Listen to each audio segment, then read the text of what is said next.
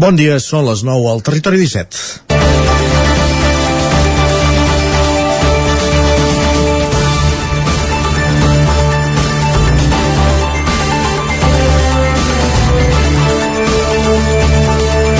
...20 d'abril de 2022 és el dia que les mascaretes, aquest element que hem incorporat a les nostres vides amb més o menys acceptació des del maig de 2020, ja no serà obligatori als interiors.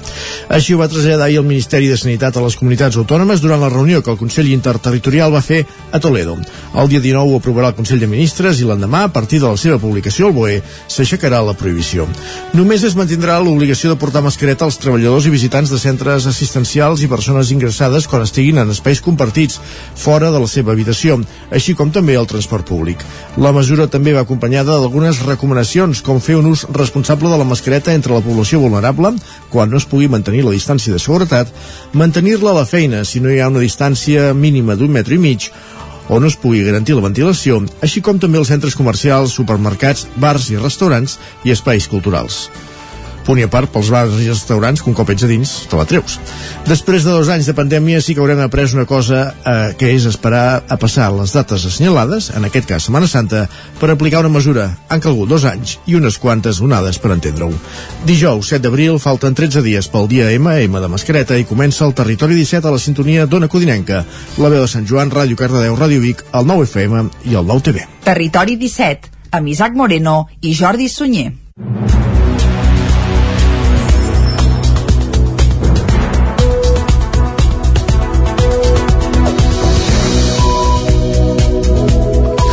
Passen dos minutets de les 9 del matí d'avui, dijous, dia 7 d'abril de 2022. I el que farem de seguida, com cada dia, és acostar-vos tota l'actualitat de les nostres comarques. Això ho farem durant tota la primera hora fins a les 10 del matí. A les 10 actualitzarem el butlletí informatiu i tot seguit, després de passar per la previsió meteorològica, anirem a l'entrevista. Avui, amb Isaac Montades, des de la veu de Sant Joan, conversarem amb el regidor de Salut, Benestar Social, Habitatges, Gent Gran i Joventut de l'Ajuntament de Ripoll, Joan Maria Roig, sobre l'acció concertada que ha aprovat aquest Ajuntament per la rehabilitació d'habitatges del barri vell per destinar-los a polítiques socials d'habitatge. Doncs tots els detalls a l'entrevista. A dos quarts d'onze serà el moment de les piulades. Tot seguit passarem per la taula de redacció i anirem cap a la plaça. Ja ho sabeu, aquell espai de nova economia que fem des de Radio Televisió Cardedeu amb la Maria López i 11.cat. I avui per parlar de la creació de continguts digitals, tal com ens avançaven la setmana passada. A les 11 actualitzarem de nou el butlletí informatiu i després qui ens visitarà serà la Cristina Enfrunt. Ja ho sabeu, com cada dijous, expressions catalanes i paraules ben dites i ben escrites, com la Cristina Enfruns, a partir d'un quart de dotze. Doncs vinga, aprendrem a parlar i a escriure millor el català amb la Cristina i a la darrera mitja hora, com cada dia, dos quarts de dotze, serà el moment de pujar al tren, a la R3, a la Trenc d'Alba i tot seguit és dijous, per tant tocarà anar cap al cinema. Amb en Gerard Fossas i en Joan Garcia des del veu de Sant Joan, estrenes, cartellera de la setmana i just abans d'arribar a les 12, tertúlia de sèries. A veure què, què es porta aquests dies entre les grans plataformes. Doncs va, això ho descobrirem a la part final d'un programa que ara mateix arrenca acostant-vos, com sempre, a l'actualitat de casa nostra, de casa vostra, l'actualitat de les comarques del Ripollès, Osona, el Moianès i el Vallès Oriental.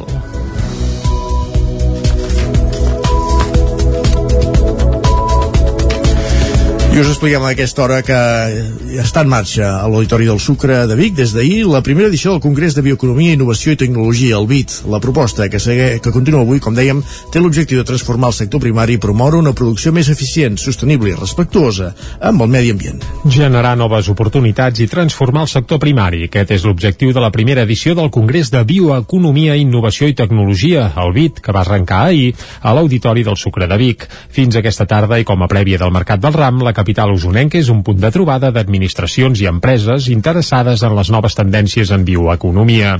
Eva Menor, diputada de l'àrea de desenvolupament econòmic de la Diputació de Barcelona, ha estat una de les autoritats que ahir va ser present a l'obertura del Congrés. En el seu discurs parlava de la necessitat de transformar les cadenes de valor. L'escoltem. En un entorn d'emergència de, climàtica, en un entorn de postpandèmia, amb una crisi com la que estem vivint, jo crec que és més necessari que mai transformar les cadenes de valor per tal de que tinguin més capacitat de crear i retenir talent, de crear i retenir inversions, d'afavorir la innovació, de dissenyar nous productes més saludables que a capdavall eh, els faran més competitius i també gestionar el territori perquè sigui un entorn propici de vida per a nosaltres i les generacions futures.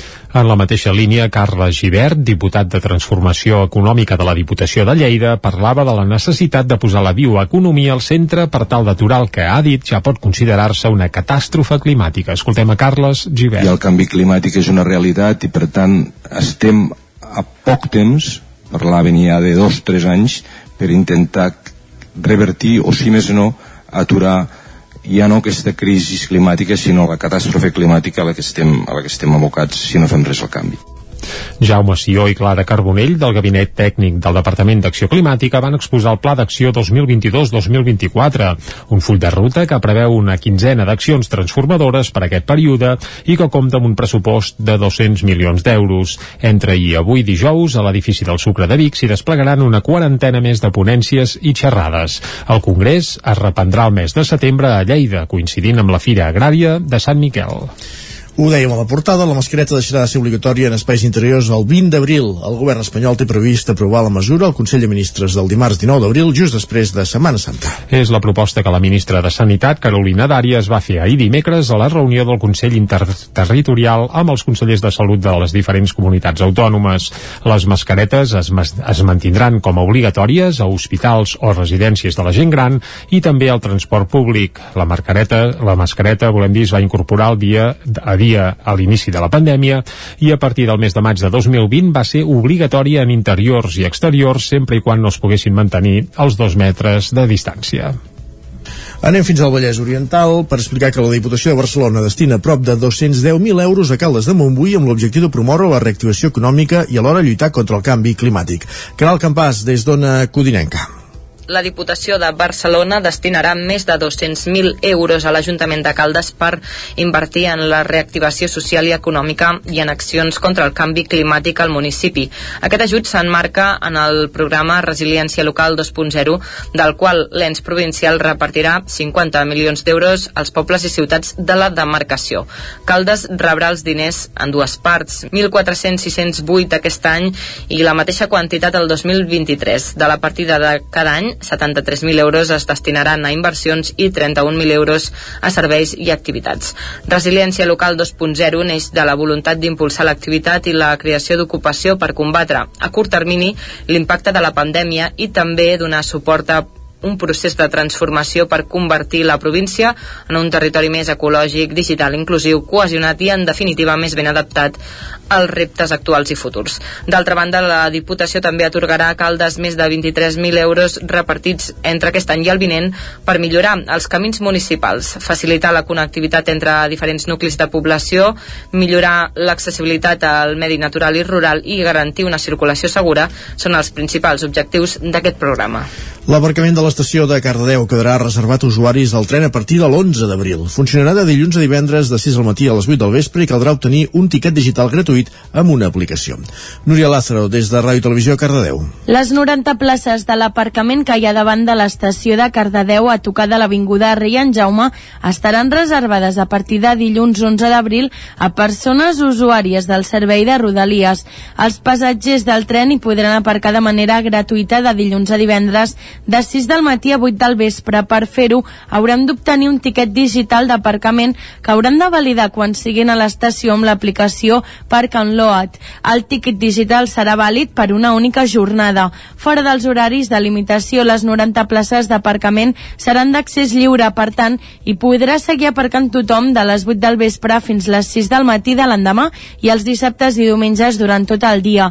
Es controlarà que tots els vehicles tinguin el tiquet digital i si no l'han obtingut seran multats. A Cardedeu, segons informa l'Ajuntament, durant les tres primeres setmanes no es posaran sancions. La iniciativa, que també es fa a l'estació de les Franqueses Granollers Nord, de la mateixa línia R2, forma part d'una prova pilot que començarà dilluns i s'allargarà fins a l'octubre. Gràcies, Núria. Més qüestions. Tona, a Osona, vol crear un centre d'educació ambiental per preservar l'antic edifici del balneari Ullastres. El projecte se centraria en les àrees de coneixement del territori, residus i energia sostenible. L'Ajuntament de Tona, amb el suport de la Diputació de Barcelona, ha començat a treballar per crear un centre de referència d'educació i sensibilització ambiental. Aquest equipament, dedicat a la difusió, divulgació i coneixement del patrimoni natural i social de Tona, s'ubicaria a l'edifici del balneari Ullastres, situat a la sortida de Tona en direcció inversió a Vic. Segons el regidor d'Energia, Aigua i Qualitat Mediambiental del municipi, Josep Valldoriola, tira endavant el projecte permetria assolir dos objectius. D'una banda, salvar un patrimoni arquitectònic de Tona, com és l'edifici del balneari Ullastres, i de l'altra, convertir la població en un referent nacional en l'àmbit de l'educació i la sensibilització ambiental. Pel que fa al balneari Ullastres, el primer que es va construir al poble l'any 1876, agonitza des de fa dècades en un entorn privilegiat amb un parc que l'envolta. Davant d'aquesta decadència, l'equip de govern de l'Ajuntament de Tona, format per Aixequem i Esquerra, es va marcar com una prioritat del mandat aconseguir els recursos per consolidar i recuperar un dels últims vestigis arquitectònics del fenomen de l'estiueig i les aigües medicinals a la població, que va viure el seu auge a finals del segle XIX i principis del segle XX. El pla director del nou centre es va aprovar per unanimitat a l'últim ple municipal. Segons aquest mateix pla, la primera fase que s'executaria seria la rehabilitació de l'edifici del balneari, que tindria un cost aproximat d'uns 500.000 euros. Les planes de tractament de purins de les Masies de Voltregà i Sant Martí Sescors encara tracten el 4% del purí d'Osona. El sector busca alternatives per quan deixin de rebre la prima de cogeneració. Les granges de porcs d'Osona generen cada any un milió i mig de milions, vaja, 1,5 milions de metres cúbics de purins, que equivalen a 8,6 milions de quilos de nitrogen. De tot aquest purí, gairebé la meitat, el 48%, es destina a la fertilització a la mateixa comarca, és a dir, que s'aboca als camps. Ara bé, com que l'ús com a fertilitzador fertilitzant està limitat, una part important també es tracta per reduir-ne l'impacte ambiental a través de diferents plantes i sistemes. A les mateixes explotacions s'hi tracta gairebé el 14% dels purins. La part més important es porta a plantes de tractament de fora del marc agrari, com pot ser la manlleuenca ferbosa, un 16%, i el 3,9% restant es tracta encara a plantes de cogeneració, les de Sant Martí Sescorts i la que hi ha a les Masies de Voltregà. A les dues plantes s'hi porten cada any 98.000 metres cúbics cúbics de purí, dues terceres parts a Sant Martí i la part restant a les Masies, que suposen un volum de 340.000 quilos de nitrogen. El seu funcionament, però, no té res de sostenible. S'hi crema gas natural per assecar el purí i al mateix temps generar energia i no hi hauria negoci si no fos per les primes per la cogeneració.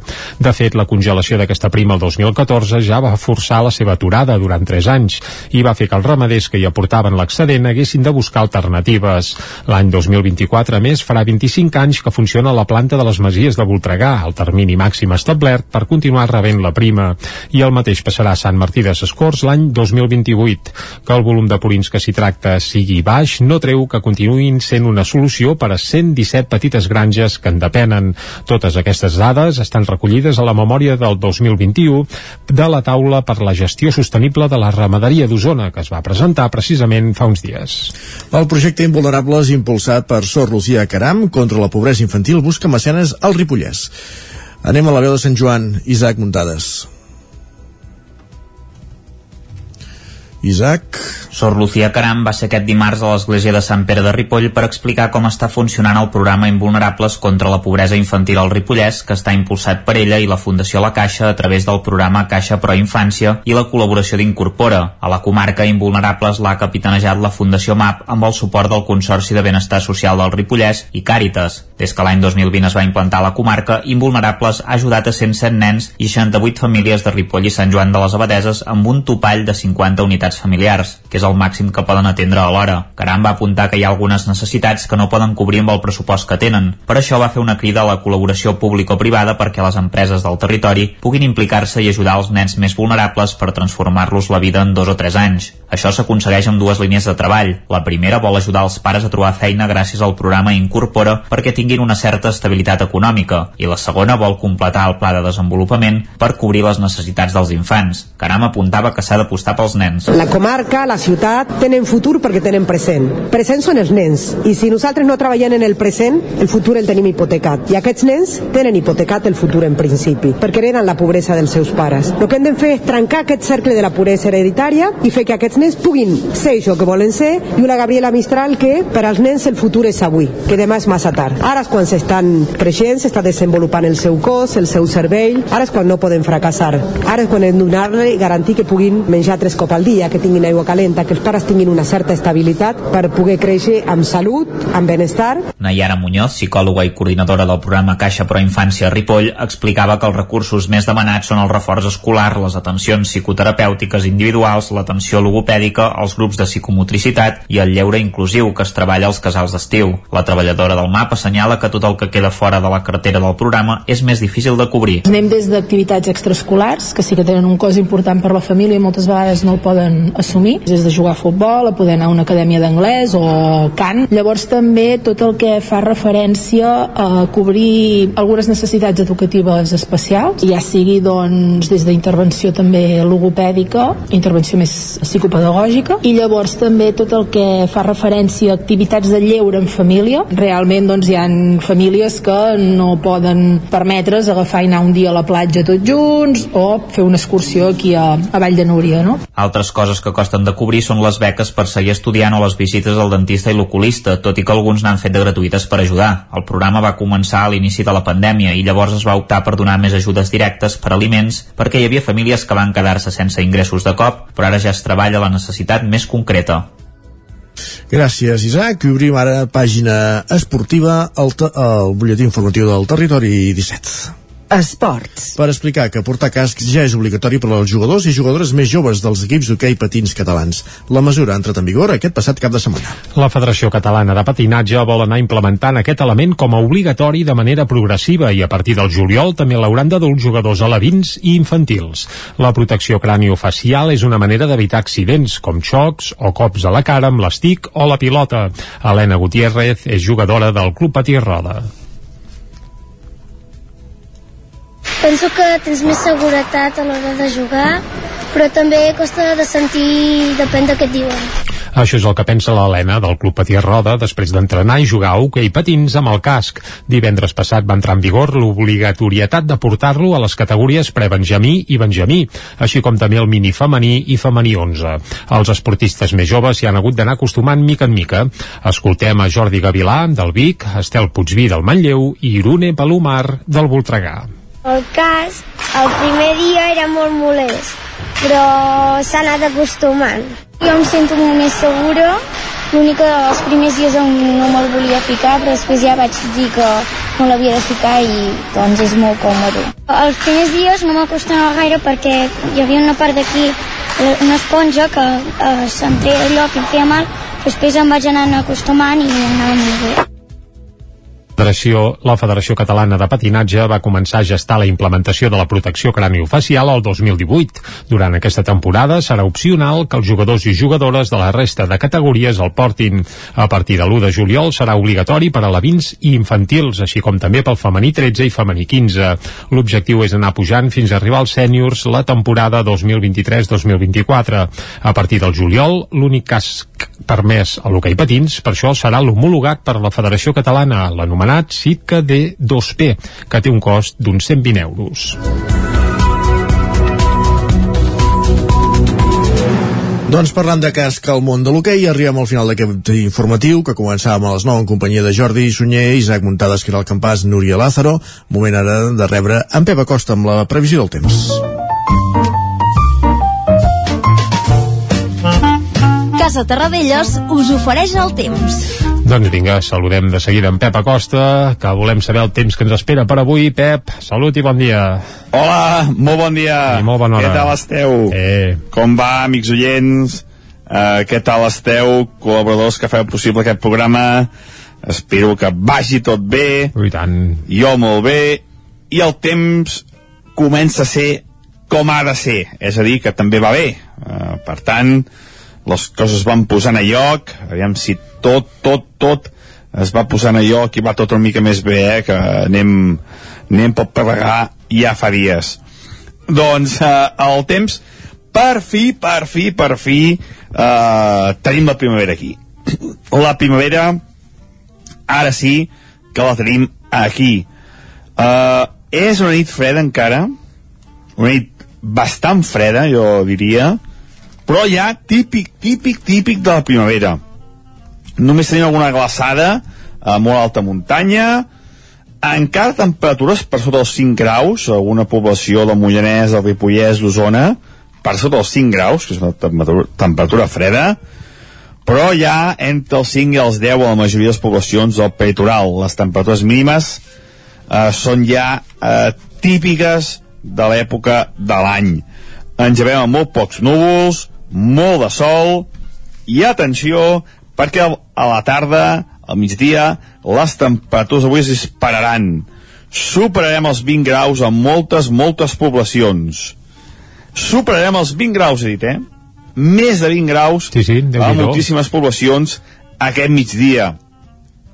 I vaig estar tot el mes de març dient, o gairebé tot el mes de març dient, aquest poc contrast tèrmic entre el dia i la nit, que era, no era normal, que a finals de març Uh, a partir del, a partir de mitjans de març i és molt normal un contrast tèrmic molt marcat entre el dia i la nit.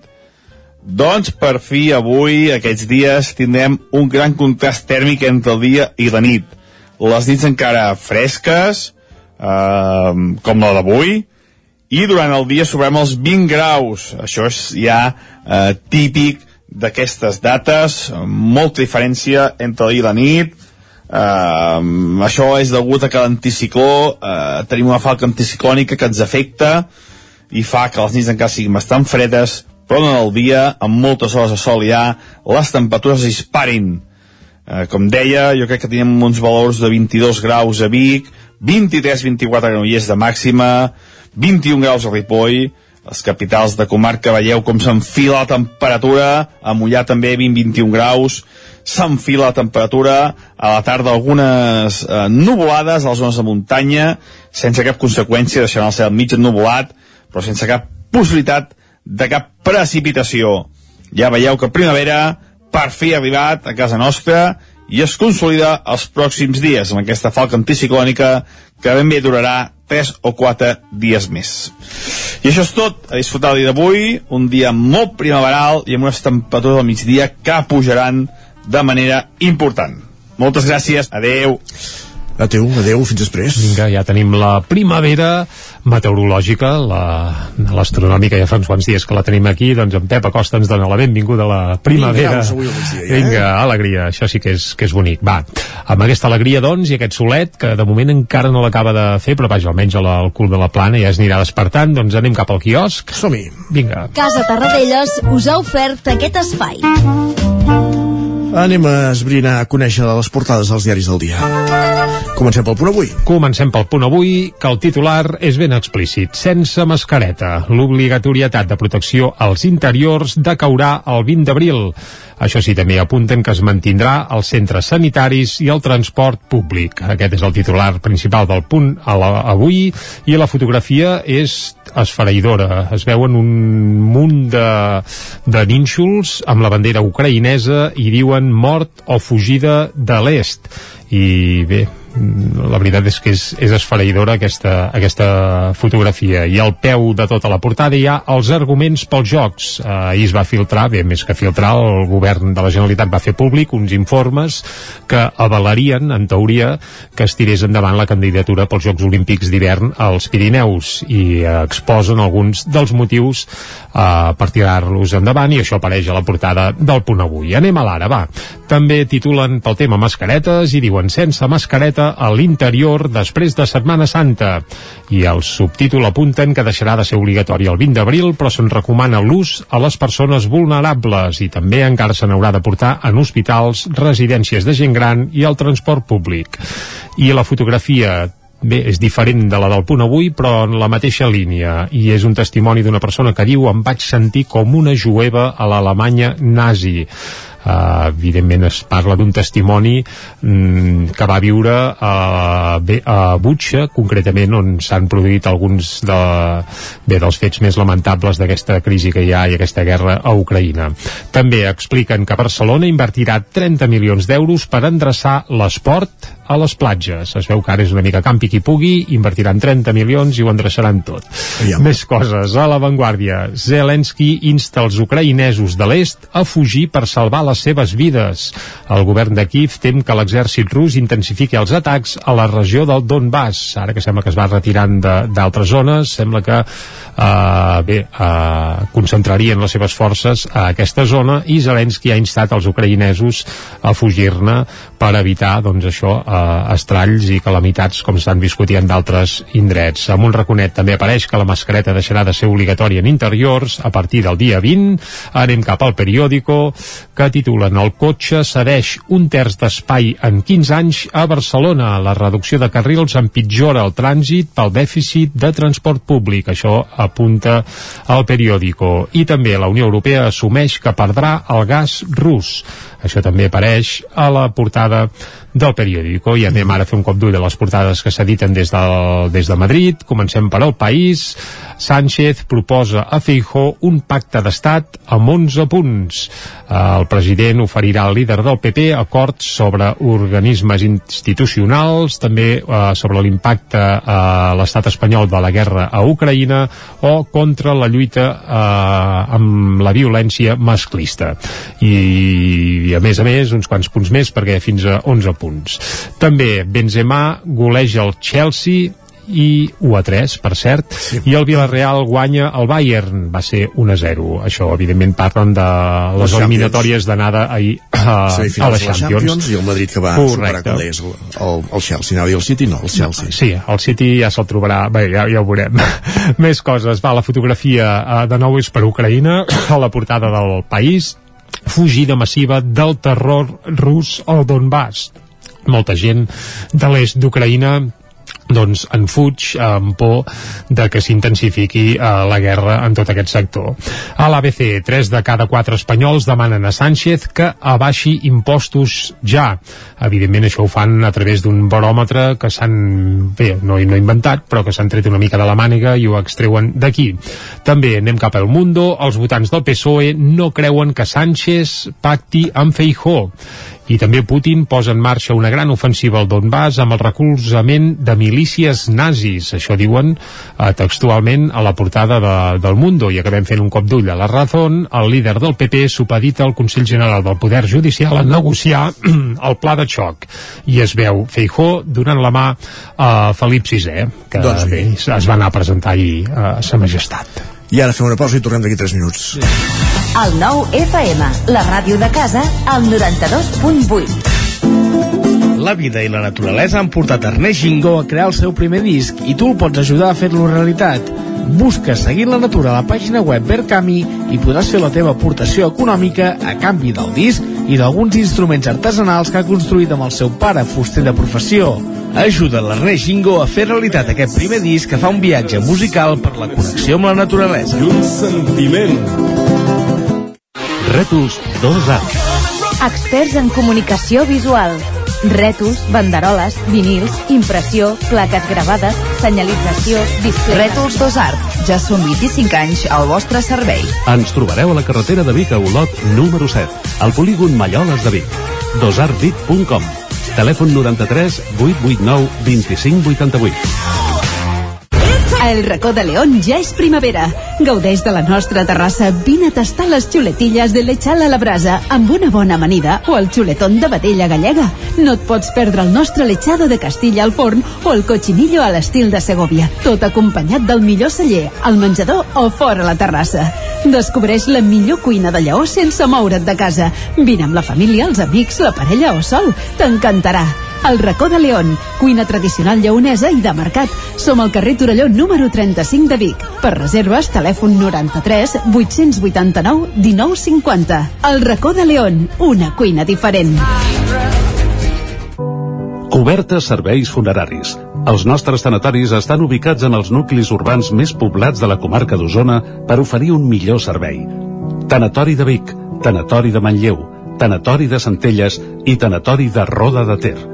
Sabem que són moments difícils i per això el nostre compromís és atendre-us en tot moment amb un tracte humà, sensible i respectuós. Cobertes serveis funeraris. Telèfon 24 hores 93 883 23 46. Anuncia't al 9FM. La màquina de casa. 9 3 8 8 9 4 9 4 9 Publicitat arroba al 9FM.cat. Anuncia't al 9FM. La publicitat més eficaç. Cocodril Club. Si t'agrada la bona música dels anys 60, 70 i 80, escolta el 9 FM als matins de dissabtes i diumenges d'11 a 1. És el temps del Cocodril Club, tot un clàssic de la ràdio, amb les bases del pop-rock, les llegendes, les cançons que s'han convertit en autèntics himnes. Recorda, dissabtes i diumenges al matí, d'11 a 1, al 9 FM 92.8. Cocodril Club. El programa revival de l'Albert Malla. Hasta luego, cocodrilo. El 9 FM, el 9 FM, el 9 FM, el 9 FM. En punt dos quarts de deu al territori 17. Territori 17, amb Isaac Moreno i Jordi Sunyer.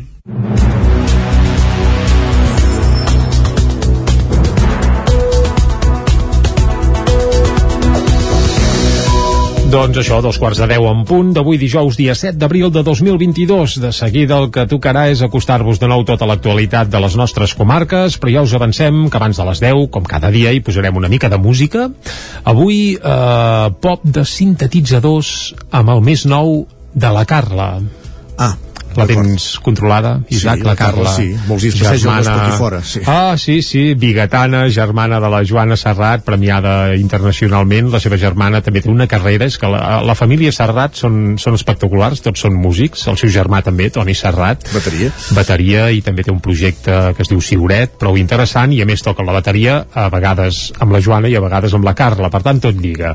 Doncs bé, aquest cap de setmana, concretament divendres, la Carla presenta el seu nou disc, que es diu Reflection, el presentarà en un concert a la Jazz Cava de Vic i avui n'estrenarem una de les peces.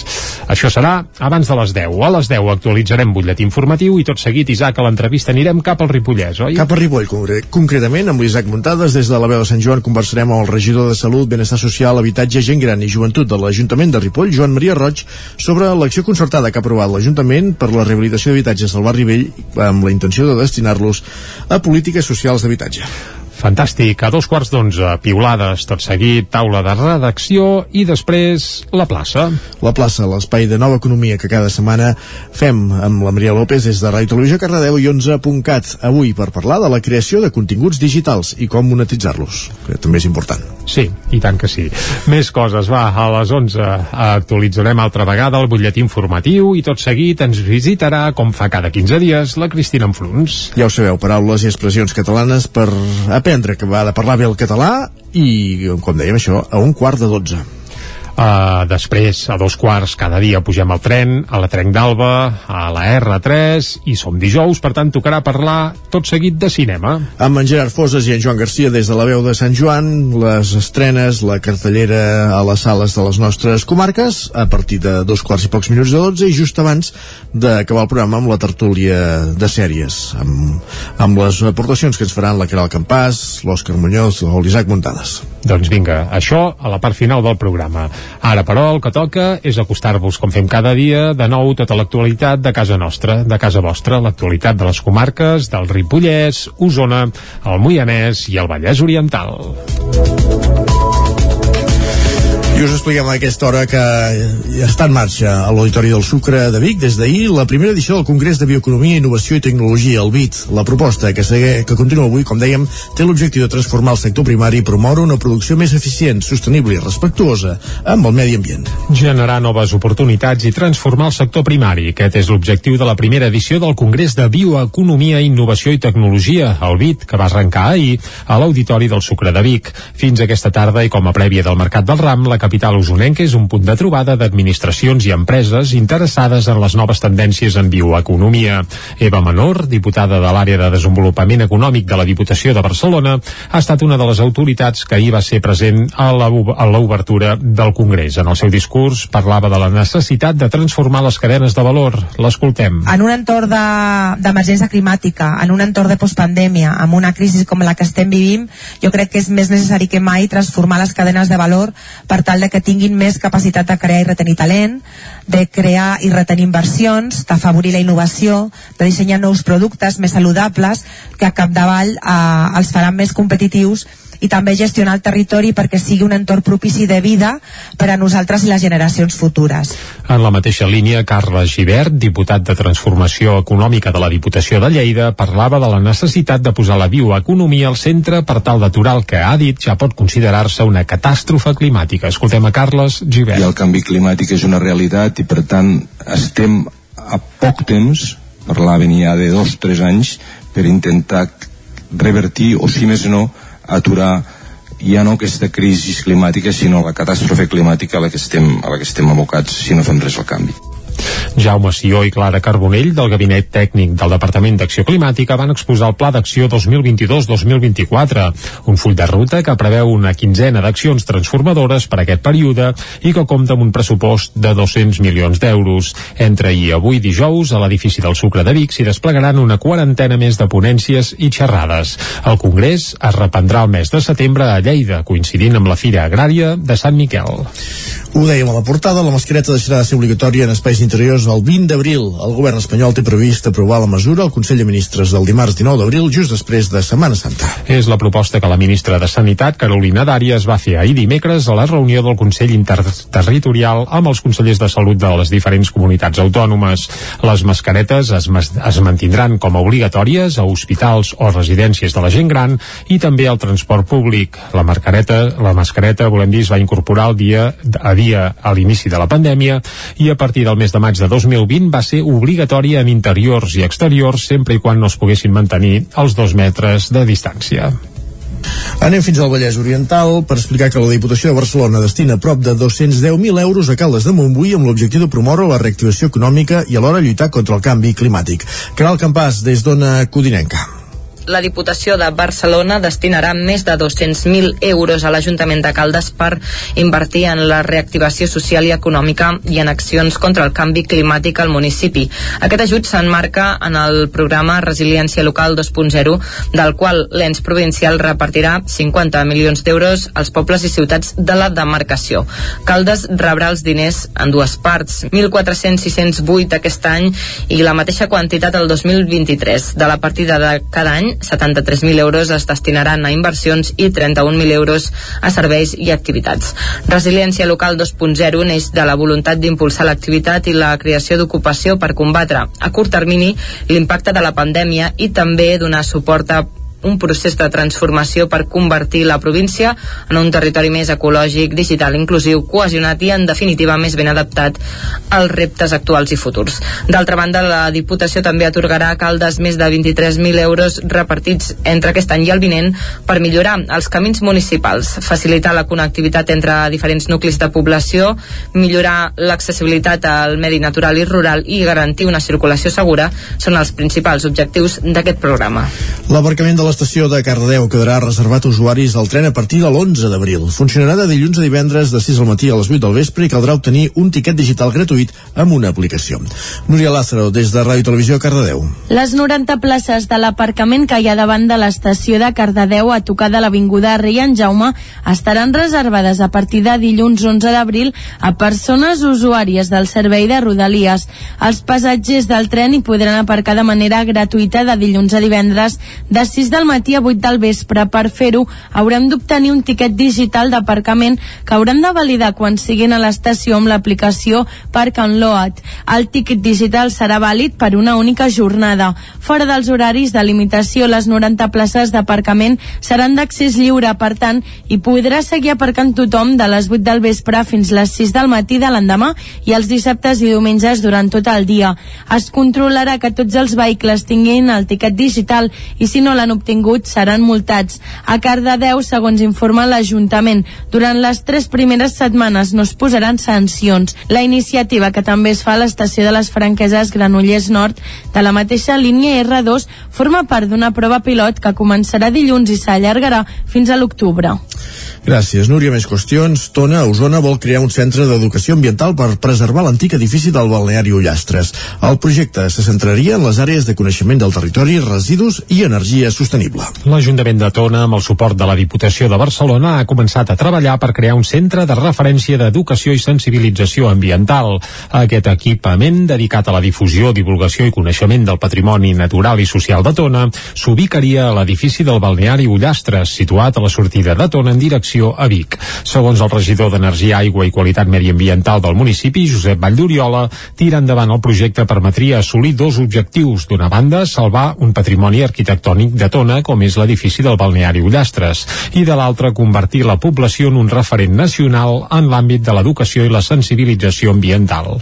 Pel que fa al balneari Ullastres, el primer que es va construir al poble l'any 1876, agonitza des de fa dècades en un entorn privilegiat amb un parc que l'envolta. Davant d'aquesta decadència, l'equip de govern de l'Ajuntament de Tona, format per Aixequem i Esquerra, es va marcar com una prioritat del mandat aconseguir els recursos per consolidar i recuperar un dels últims vestigis arquitectònics del fenomen de l'estiueig i les aigües medicinals a la població, que va viure el seu auge a finals del segle XIX i principis del segle XX.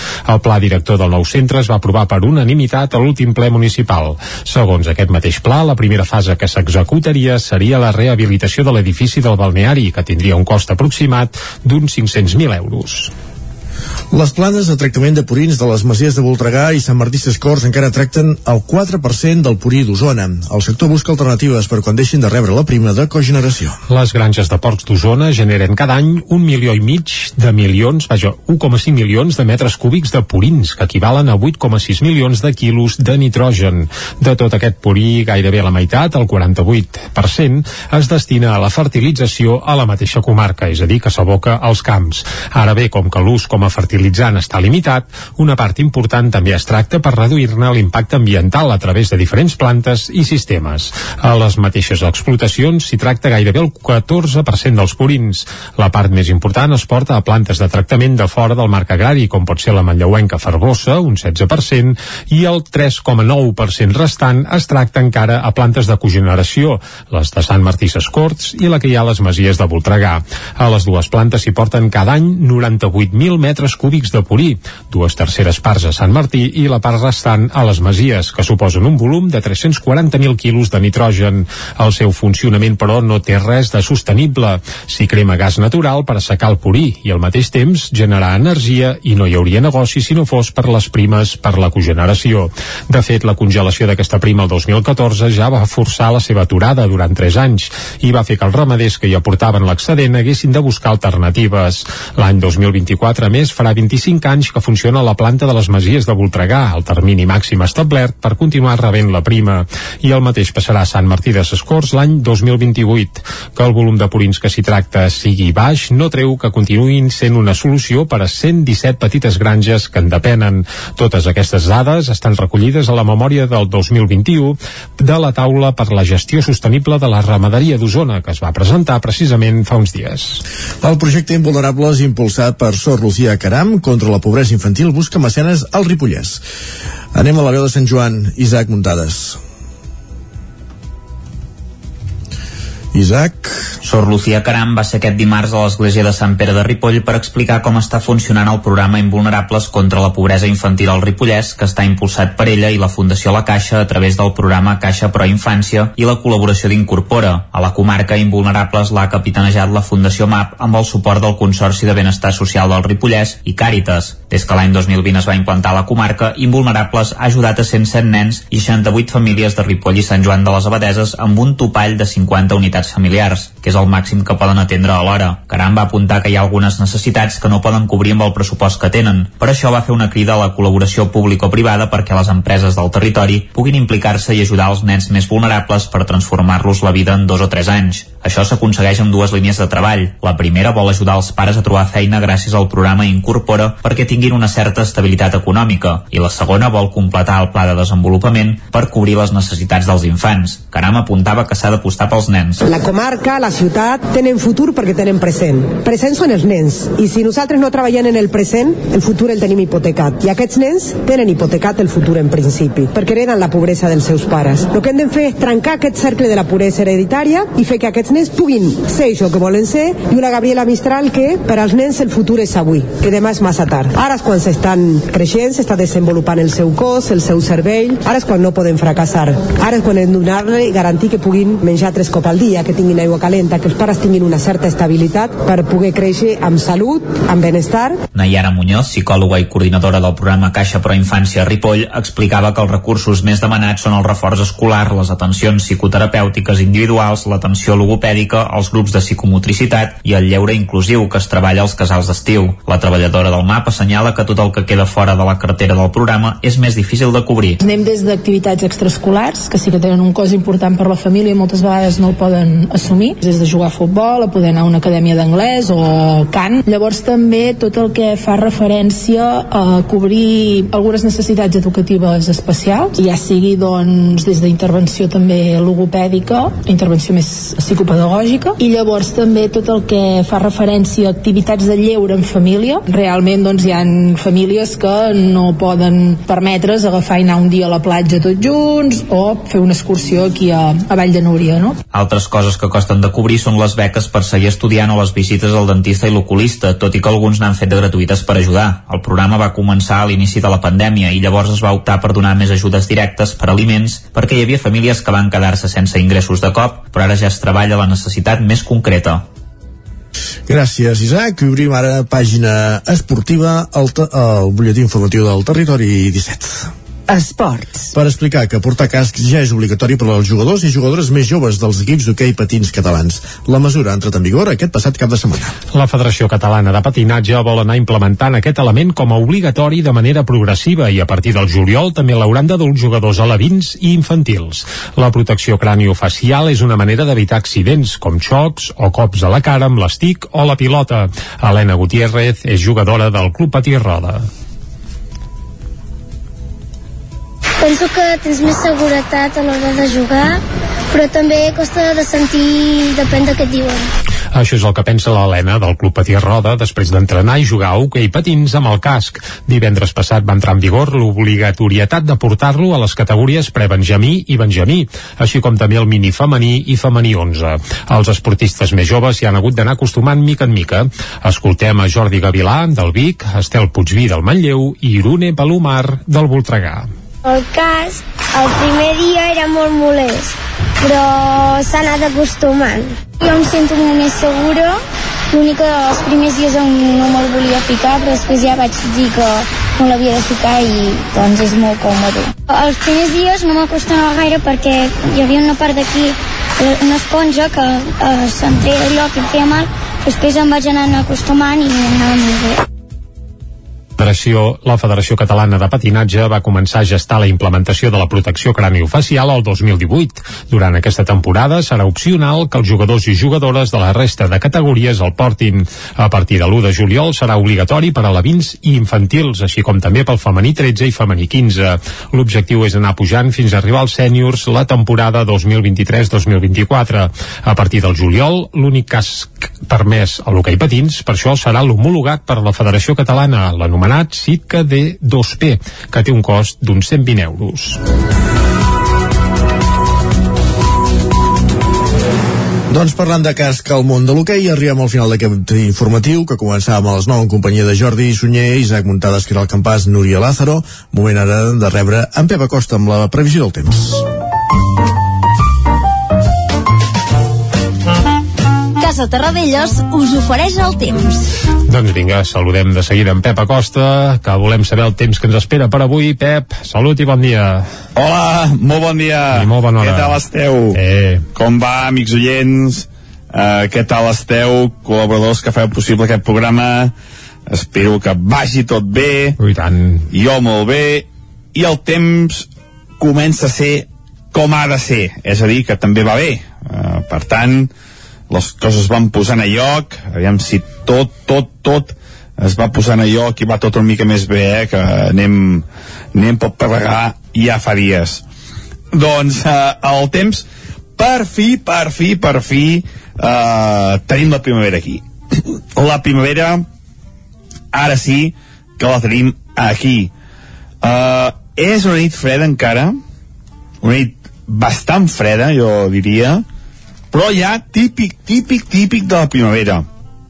Només tenim alguna glaçada a molt alta muntanya, encara temperatures per sota els 5 graus, alguna població del Moianès, del Ripollès, d'Osona, per sota els 5 graus, que és una temperatura, temperatura freda, però ja entre els 5 i els 10 a la majoria de les poblacions del peritoral. Les temperatures mínimes eh, són ja eh, típiques de l'època de l'any. Ens llevem amb molt pocs núvols, molt de sol, i atenció, perquè a la tarda, al migdia, les temperatures avui es dispararan. Superarem els 20 graus en moltes, moltes poblacions.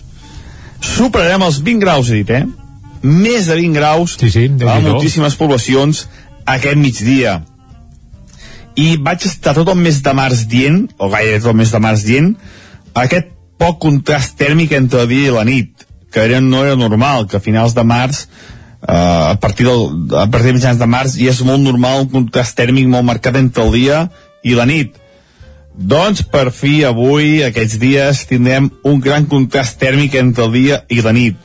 Les nits encara fresques uh, com la d'avui i durant el dia sobrem els 20 graus. Això és ja uh, típic d'aquestes dates molta diferència entre el dia i la nit Uh, això és degut a que l'anticicló uh, tenim una falca anticiclònica que ens afecta i fa que les nits encara siguin bastant fredes però en el dia, amb moltes hores de sol ja, les temperatures disparin.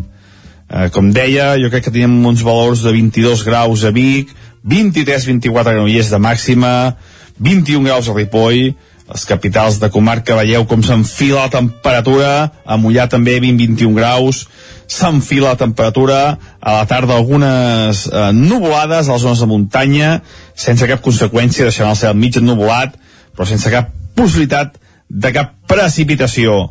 Ja veieu que primavera per fi ha arribat a casa nostra i es consolida els pròxims dies amb aquesta falca anticiclònica que ben bé durarà 3 o 4 dies més. I això és tot, a disfrutar el dia d'avui, un dia molt primaveral i amb unes temperatures al migdia que pujaran de manera important. Moltes gràcies, adeu. Adéu, adéu, fins després. Vinga, ja tenim la primavera meteorològica, la- l'astronòmica, ja fa uns quants dies que la tenim aquí, doncs en Pep Acosta ens dona la benvinguda a la primavera. avui al migdia, ja, eh? Vinga, alegria, això sí que és, que és bonic. Va, amb aquesta alegria, doncs, i aquest solet, que de moment encara no l'acaba de fer, però vaja, almenys al, al cul de la plana ja es anirà despertant, doncs anem cap al quiosc. Som-hi. Vinga. Casa Tarradellas us ha ofert aquest espai. Anem a esbrinar, a conèixer les portades dels diaris del dia. Comencem pel punt avui. Comencem pel punt avui, que el titular és ben explícit. Sense mascareta, l'obligatorietat de protecció als interiors decaurà el 20 d'abril. Això sí, també apunten que es mantindrà als centres sanitaris i el transport públic. Aquest és el titular principal del punt a la, avui i la fotografia és esfereïdora. Es veuen un munt de, de nínxols amb la bandera ucraïnesa i diuen mort o fugida de l'est. I bé, la veritat és que és, és esfereïdora aquesta, aquesta fotografia. I al peu de tota la portada hi ha els arguments pels jocs. Eh, ahir es va filtrar, bé, més que filtrar el govern de la Generalitat va fer públic uns informes que avalarien en teoria que es tirés endavant la candidatura pels Jocs Olímpics d'hivern als Pirineus. I eh, exposen alguns dels motius eh, per tirar-los endavant i això apareix a la portada del punt avui. Anem a l'ara, va. També titulen pel tema mascaretes i diuen sense mascareta a l'interior després de Setmana Santa i el subtítol apunten que deixarà de ser obligatori el 20 d'abril però se'n recomana l'ús a les persones vulnerables i també encara se n'haurà de portar en hospitals, residències de gent gran i el transport públic. I la fotografia bé, és diferent de la del punt avui, però en la mateixa línia, i és un testimoni d'una persona que diu em vaig sentir com una jueva a l'Alemanya nazi. Uh, evidentment es parla d'un testimoni mm, que va viure a, a Butxa, concretament on s'han produït alguns de, bé, dels fets més lamentables d'aquesta crisi que hi ha i aquesta guerra a Ucraïna. També expliquen que Barcelona invertirà 30 milions d'euros per endreçar l'esport a les platges. Es veu que ara és una mica campi qui pugui, invertiran 30 milions i ho endreçaran tot. Ja. Més coses. A l'avantguàrdia, Zelensky insta els ucraïnesos de l'est a fugir per salvar les seves vides. El govern de Kiev tem que l'exèrcit rus intensifiqui els atacs a la regió del Donbass. Ara que sembla que es va retirant d'altres zones, sembla que eh, bé, eh, concentrarien les seves forces a aquesta zona i Zelensky ha instat els ucraïnesos a fugir-ne per evitar doncs, això, eh, estralls i calamitats com s'han viscut en d'altres indrets. Amb un raconet també apareix que la mascareta deixarà de ser obligatòria en interiors a partir del dia 20. Anem cap al periòdico que titulen El cotxe cedeix un terç d'espai en 15 anys a Barcelona. La reducció de carrils empitjora el trànsit pel dèficit de transport públic. Això apunta al periòdico. I també la Unió Europea assumeix que perdrà el gas rus. Això també apareix a la portada del periòdico i anem ara a fer un cop d'ull a les portades que s'editen des, del, des de Madrid. Comencem per al País. Sánchez proposa a Feijó un pacte d'estat amb 11 punts. El president oferirà al líder del PP acords sobre organismes institucionals, també eh, sobre l'impacte a l'estat espanyol de la guerra a Ucraïna o contra la lluita eh, amb la violència masclista. I, I a més a més, uns quants punts més perquè fins a 11 punts. També Benzema goleja el Chelsea i 1 a 3, per cert, sí. i el Villarreal guanya el Bayern, va ser 1 a 0. Això, evidentment, parlen de les, les eliminatòries d'anada ahir a, sí, a la Champions. Champions. I el Madrid que va Correcte. superar calés el, el, el Chelsea, no, i el City no, el Chelsea. No, sí, el City ja se'l trobarà, bé, ja, ja ho veurem. Més coses, va, la fotografia uh, de nou és per Ucraïna, a la portada del país, fugida massiva del terror rus al Donbass molta gent de l'est d'Ucraïna doncs en fuig amb por de que s'intensifiqui eh, la guerra en tot aquest sector. A l'ABC, 3 de cada 4 espanyols demanen a Sánchez que abaixi impostos ja. Evidentment això ho fan a través d'un baròmetre que s'han, bé, no, no inventat, però que s'han tret una mica de la màniga i ho extreuen d'aquí. També anem cap al Mundo, els votants del PSOE no creuen que Sánchez pacti amb Feijó. I també Putin posa en marxa una gran ofensiva al Donbass amb el recolzament de milícies nazis, això diuen eh, textualment a la portada de, del Mundo, i acabem fent un cop d'ull a la Razón, el líder del PP supedita al Consell General del Poder Judicial a negociar el pla de xoc, i es veu Feijó donant la mà a Felip VI, que doncs bé, es va anar a presentar ahir a Sa Majestat. Ja es coneixen, doncs? Ja són amics. Ja són Feijó i Borbó hi ha lliga, per tant, fer rodolins eh, amb, amb aquests dos cognoms, entre cometes, doncs serà, serà fàcil. El que també lliga és... Què escoltem de fons, va, ja. Va, que escoltem de fons. Estem escoltant ja aquests sintetitzadors que bé són la marca de la casa de la Carla. La Carla, que és la germana, diguem-ne, petita de Can Serrat, a Vic, però que ja té una trajectòria espectacular. L'any 2019 el seu disc, el Kill a Feeling, va ser... Va, va rebre el premi a millor disc nacional en llengua no catalana. Recordem que la seva trajectòria sempre l'ha fet en anglès.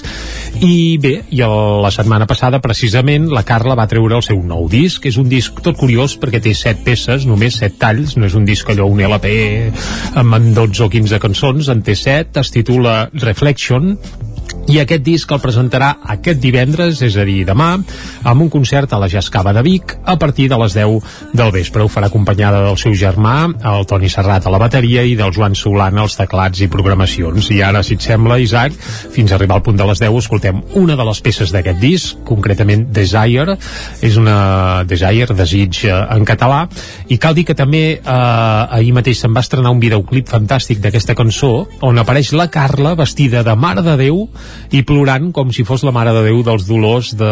Bé, que demà il·lustrarà... Bé, no il·lustra gaire res, perquè avui dia el pes de les Mare de Déu ha baixat, eh? però tenint en compte que som a les portes de Setmana Santa, la gent que és devota dels dolors, doncs aquest vídeo segur que li agradarà moltíssim. Desire, amb la Carla, fins al punt de les 10 aquí a Territori 17.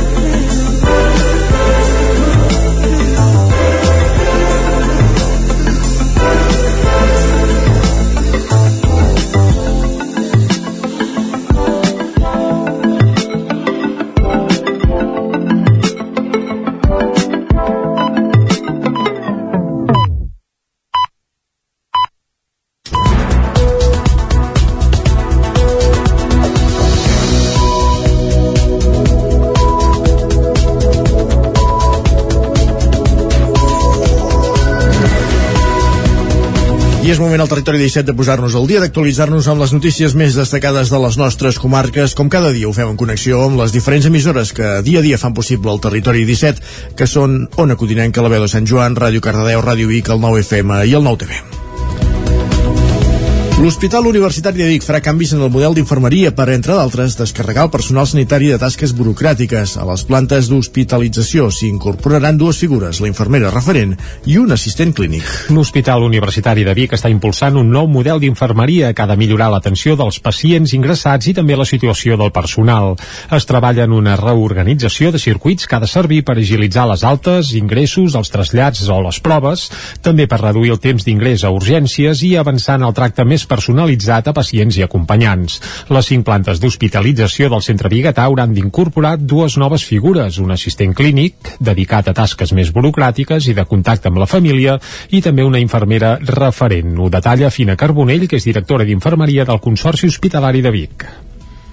Aquesta infermera referent, la idea és que treballi per posar en marxa el procés assistencial del malalt des del moment que entra a l'hospital, des del seu ingrés a, al moment de l'alta i segueixi tota l'evolució d'aquest procés assistencial. En el disseny del nou model hi han participat els professionals que treballen a les unitats d'hospitalització, des de persones amb càrrecs de comandament fins a infermeres, auxiliars, portalliteres, personal mèdic i d'administració.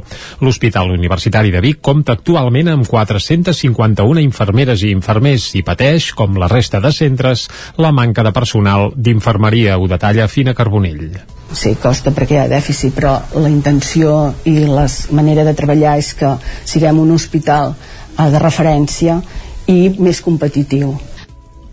Davant la manca de personal, els professionals d'infermeria, hospitalització, urgències, UCI i hospitalització domiciliària fan torns diurns de 12 hores dissabtes i diumenges.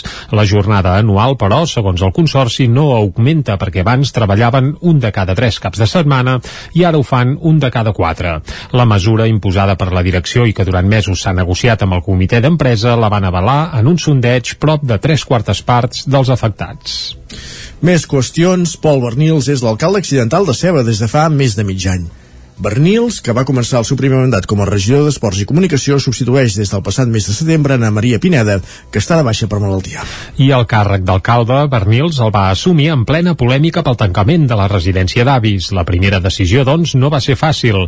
Pol Bernils en parlava fa uns dies a l'angle obert del Nou TV. I sí que és veritat que just poques setmanes després d'entrar de, de, com, com a alcalde en funcions doncs, em va tocar doncs, anunciar el tancament de la residència de les famílies i personalment va ser, em va ser diguem, molt greu però, però com ja vam dir estem aquí per prendre decisions i hem de mirar amb clau de futur els Bernils també va desgranar quins són els principals reptes del municipi, citant la nova residència, el carrer Bonaire o el ressorgiment del Roures Park. L'escoltem. El principal gran repte que tenim és poder fer aquesta residència Uh, perquè, com he dit, els veïns, de, els veïns de Ceba no es mereixien la residència que tenien. El següent gran eix doncs, és, és fer el carrer Bonaire. El carrer Bonaire és un eix principal del nostre, del nostre nucli que ens connecta amb el Parc Natural del Montseny. El gran repte a nivell lúdic és aquest, no? és tornar és tornar a fer reviure el Roures Park com, com el que era en el seu passat uh, però clar, també hem de ser conscients que, que som una població de 3.500 habitants i tenir tres piscines potser, potser és exagerat. Bernils també va anunciar la seva voluntat de continuar el consistori la legislatura següent i no va descartar la possibilitat de fer-ho com a alcaldable no accidental sinó oficial. Malestar a l'entorn rural de Sant Joan de les Abadesses, un ramader del Mas Pujol de Sant Joan tanca l'accés a la seva propietat perquè ell no pot accedir en cotxe per la finca del veí. Isaac Muntades des de la veu de Sant Joan. El ramader que viu al Mas Pujol i es dedica a la producció de formatges, Mel Brussaferri, ha decidit tancar el pas als camins populars que passen per la seva finca privada. El motiu és perquè fa diversos anys que per accedir a casa seva en vehicle ho ha de fer travessant el riu a l'altura de la colònia Lleudet, un fet que li provoca avaries quan hi pot passar, i és que quan el riu baixa ple li és impossible. El propietari d'un camí i veí que li permetria arribar a casa seva li demanava 70.000 euros per fer-ho, i després d'un temps buscant alternatives i no trobar-ne cap, ha optat per aquesta opció més radical. Brussaferri, que els mesos de desembre i gener es va quedar sense cotxe per una avaria, sol anar en bicicleta i carregat amb una motxilla per anar a comprar i repartir formatges. El ramader assegura que si ell no hi pot passar no ho farà ningú. El darrer cap de setmana va patir un episodi violent d'una persona que el va increpar a crits, però no és l'únic que ha volgut passar per allà, tot i tractar-se d'una finca privada. Io la decisió realment d'acabar de tancar aquest camí la vaig prendre per diversos motius, sobretot de com vaig veure que va reaccionar les persones aquí. O sigui que quan has tancat aquest camí t'hi vas trobar amb molta prepotència i molta mala educació per part de moltíssimes persones. I això és algo que m'ha decepcionat encara més d'aquesta resposta de que, de que ningú me pogués ajudar per part de les institucions que utilitzaven de fet la meva finca per passar-hi. Doncs vas veure centenars de persones passant per sota, per sobre, agafant bastons, tirant-ho tot, un tio que treu de la butxaca unes aliquetes i talla els fils per passar, l'altre que sistemàticament arriba el divendres i aparta totes les tanques per obrir el camí pel cap de setmana. Bruce Ferri ja havia tancat el camí des del mes de maig de l'any passat fins al juliol, posant-hi tanques, cartells i explicant els motius de per què ho feia. Es va queixar al síndic de Greuges que va dir que no hi podia fer res perquè era un camí privat i s'havia de solucionar amb el propietari de la finca veïna, però que va dir-li que ell podia tancar el camí. Aquell llarg procés que està vivint Bruce Ferri l'ha afectat en l'àmbit físic i psicològic. Ell ha instat la tovallola, o sigui, jo m'he donat per vençut, passo per Rio, me n'ha continuaré a fer fotre fins que puc, fins que els genolls m'ho permeten, o fins que el meu ànim, perquè estic amargat, a mi està aquí, que sis anys m'ha amargat la vida, us ho tinc que dir, que això ha estat el resultat venir aquí i m'estic penedint d'haver vingut a viure aquí, realment, perquè tot i fer una feina que m'agrada molt i està molt rebé a casa meva, però jo porto sis anys, que si surto de casa meva i tinc una conversació amb algú és el camí i la carretera, la carretera i el camí, que no passes per aquí, per què no passes per allà? Si tot continua igual, Bruce Ferri va dir que optaria per marxar a un altre lloc. L'única solució perquè reobri el camí és que li deixin passar amb cotxe pel camí de la finca veïna que arriba a casa seva. La seva decisió ha obligat a moure diverses rutes de senderisme i per bicicletes. Bruce Ferri explica que l'alcalde de Sant Joan, Ramon Roquer, l'està ajudant personalment a trobar una via alternativa d'entrada que podria venir directament d'Ugassa, però encara no hi ha res definitiu. Més qüestions, anem del Ripollès cap al Vallès Oriental perquè les AMPA de Caldes fan una crida per a plegar voluntariat per a l'èxit al programa per ajudar els infants a millorar la comprensió lectora. Caral Campà, zona Codinenca les associacions de famílies d'alumnes dels centres escolars de Caldes han fet una crida a la ciutadania per aplegar voluntaris pel programa L'èxit destinat a millorar la comprensió lectora dels infants. L'objectiu és incrementar l'èxit educatiu dels nens i nenes i la tasca principal del voluntariat és acompanyar la lectura d'un infant, contribuir a ajudar-lo a gaudir de la lectura i d'alguna manera esdevenir un referent lector. D'aquesta manera es vol construir una bona relació basada en la confiança que ajudarà la persona voluntària a conèixer els interessos de l'infant i a proposar lectures basades en allò que li agrada. La dedicació a l'èxit és d'una hora setmanal i les sessions es fan a les escoles i a la biblioteca municipal. Els únics requisits per participar-hi són saber llegir correctament en català i tenir ganes d'incidir en l'educació dels infants. Gràcies, Caral. I la nau de Dents de Serra de Roconvert a Granollers ha estat l'escenari aquest dimarts de la presentació de les 11 cooperatives escolars de la ciutat que participen en el projecte Cultura Emprenedora de l'Escola. Ràdio Televisió Cardeu, Núria Lázaro. Un total de 231 alumnes s'han reunit per compartir els prototips de productes que vendran al mercat del dijous els dies 19 i 26 de maig. Els centres participants són l'Escola Granularius amb tres cooperatives, Joan Solans, Lledoners, Mestre Muntanya i Salvador Llobet. Aquest curs el projecte ha pogut recuperar la presencialitat i s'han fet diverses sessions amb l'alumnat sobre què és una cooperativa i els passos a seguir per construir-la. També s'han fet tallers d'imatge a càrrec d'alumnes del cicle superior de màrqueting i publicitat de l'Institut Carles Baibona, que han explicat als cooperativistes que havien de tenir en compte a l'hora de pensar el logo, la imatge o l'eslògan i els han ajudat a treballar les seves idees. Durant la trobada d'aquest dimarts, alumnes del cicle formatiu de grau mig d'activitats comercials del mateix institut han explicat als cooperativistes tècniques de venda i els han ofert un taller de decoració de parades. I la tradició culinària del Montseny tindrà continuïtat gràcies a un nou llibre. Es tracta del volum Cuina, Societat i Natura al Montseny, reserva de la biosfera, que recull 150 receptes de begudes, plats i postres que es poden trobar a la cuina d'aquesta zona. Entre el 2010 i el 2012, seguint les directrius marcades per les reserves de la biosfera, es va realitzar un inventari del patrimoni cultural immaterial Imperial del Montseny, que també va incloure les pràctiques culinàries. Avui en dia encara es cuinen plats que veuen de tota aquesta tradició mantinguda al llarg de les generacions. Molts d'ells es poden trobar al llibre Cuina, Societat i Natura al Montseny, reserva de la biosfera.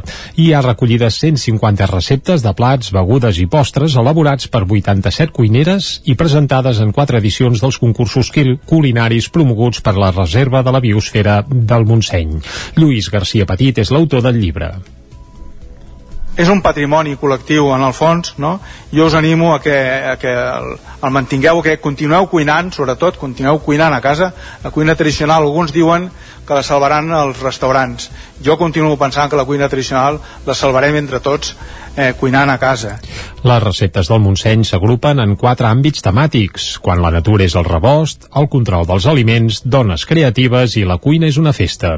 No es tracta d'un recull exhaustiu sinó un tastet del que es pot trobar al Montseny ho explica Valentí Junyent diputat d'Espais Naturals de la Diputació de Barcelona. 150 receptes és una xifra significativa, important i que permet pensar que hi ha vida per fer una nova edició d'aquestes receptes de cuina. Durant l'acte de presentació del llibre, que es va fer a la sala Polivalent de Ceba, també es van entregar els guardons als guanyadors del concurs de receptes de la biosfera de les dues últimes edicions, la del 2019, que no s'havia pogut lliurar per culpa de la pandèmia, i la del 2021. Esports. Passen 11 minuts de les 10 i notícia de l'àmbit esportiu i és que el Club Patí Manlleu torna a l'Hockey Lliga Plata. El Martinelli Club Patí Manlleu no ha pogut mantenir la categoria en el seu any de retorn a l'Hockey Lliga. Els manlleuencs van caure ahir a la nit a la pista del rec amb làser per un ajustat 5 a 4 en un partit que va ser molt igualat i trepidant i a falta d'una jornada per acabar la competició ja no tenen opcions matemàtiques de salvar-se. També l'acompanyaran en aquest descens els, l'Alcobendas. Pel que fa al Voltregà Motor, també va perdre el seu partit a la pista de la Igualada, en aquest cas per 5 a 2, però amb els resultats de la resta de rivals directes aconsegueix la permanència matemàtica i fins i tot disputarà el play-off per classificar-se per la Europa Cup contra el Caldes o l'Igualada. Això es decidirà en l'última jornada. Doncs estarem pendents, ara el que fem és estar pendents del cel. Anem a escoltar la previsió meteorològica amb en Pep Acosta. Casa Terradellos us ofereix el temps. Doncs vinga, tornem a escoltar en Pep Acosta perquè ens parli de nou d'aquesta primavera on ja estem capbussats i ara sí que més hi ha sortit el sol a pràcticament tot el territori 17, per tant la primavera sí que s'olora per tot arreu. Pep, molt bon dia. Hola, molt bon dia. I bona hora. Per fi, per fi, Mhm. per fi, uh, tenim la primavera aquí. La primavera, ara sí que la tenim aquí. És una nit freda encara, una nit bastant freda, jo diria, però ja típic, típic, típic de la primavera. Només tenim alguna glaçada a molt alta muntanya, encara temperatures per sota dels 5 graus, alguna població del Mollanès, del Ripollès, d'Osona, per sota dels 5 graus, que és una temperatura, temperatura freda, però ja entre els 5 i els 10 a la majoria de les poblacions del peritoral. Les temperatures mínimes eh, són ja eh, típiques de l'època de l'any. Engevem amb molt pocs núvols, molt de sol, i atenció, perquè a la tarda, al migdia, les temperatures avui es dispararan. Superarem els 20 graus en moltes, moltes poblacions. I vaig estar tot el mes de març dient, o gairebé tot el mes de març dient, aquest poc contrast tèrmic entre el dia i la nit, que era, no era normal, que a finals de març Uh, a partir del, a partir de mitjans de març i és molt normal un contrast tèrmic molt marcat entre el dia i la nit doncs per fi avui aquests dies tindrem un gran contrast tèrmic entre el dia i la nit. Les nits encara fresques uh, com la d'avui i durant el dia sobrem els 20 graus. Això és ja uh, típic d'aquestes dates molta diferència entre el dia i la nit. Uh, això és degut a que l'anticicló uh, tenim una falca anticiclònica que ens afecta i fa que les nits encara siguin bastant fredes però en el dia, amb moltes hores de sol ja, les temperatures es disparin. A la tarda algunes uh, nuvolades a les zones de muntanya sense cap conseqüència deixaran el cel mig ennuvolat però sense cap possibilitat de cap precipitació. Ja veieu que primavera per fi ha arribat a casa nostra i es consolida els pròxims dies amb aquesta falca anticiclònica que ben bé durarà 3 o 4 dies més. I això és tot, a disfrutar el dia d'avui, un dia molt primaveral i amb unes temperatures al migdia que pujaran de manera important. Moltes gràcies, fins demà, adeu. Doncs estarem pendents de les temperatures. Gràcies, que pujaran de manera important, diu, eh? Sí, es, es molem les mànigues curtes, va. Exacte. Vinga, cap a l'entrevista mentrestant. Som-hi. Casa Tarradellas us ha ofert aquest espai. Territori 17. Envia'ns les teves notes de veu per WhatsApp al 646 079 023. 646 079 023. WhatsApp Territori 17.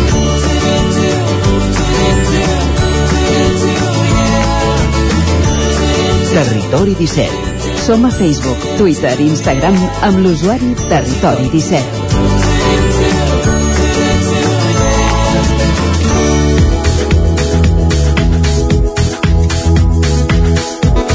La Junta de Govern eh, local de l'Ajuntament de Ripoll ha aprovat una nova convocatòria per aquest 2022 de l'acció concertada per la rehabilitació d'habitatges del barri vell, amb l'objectiu de destinar-los a polítiques socials d'habitatge.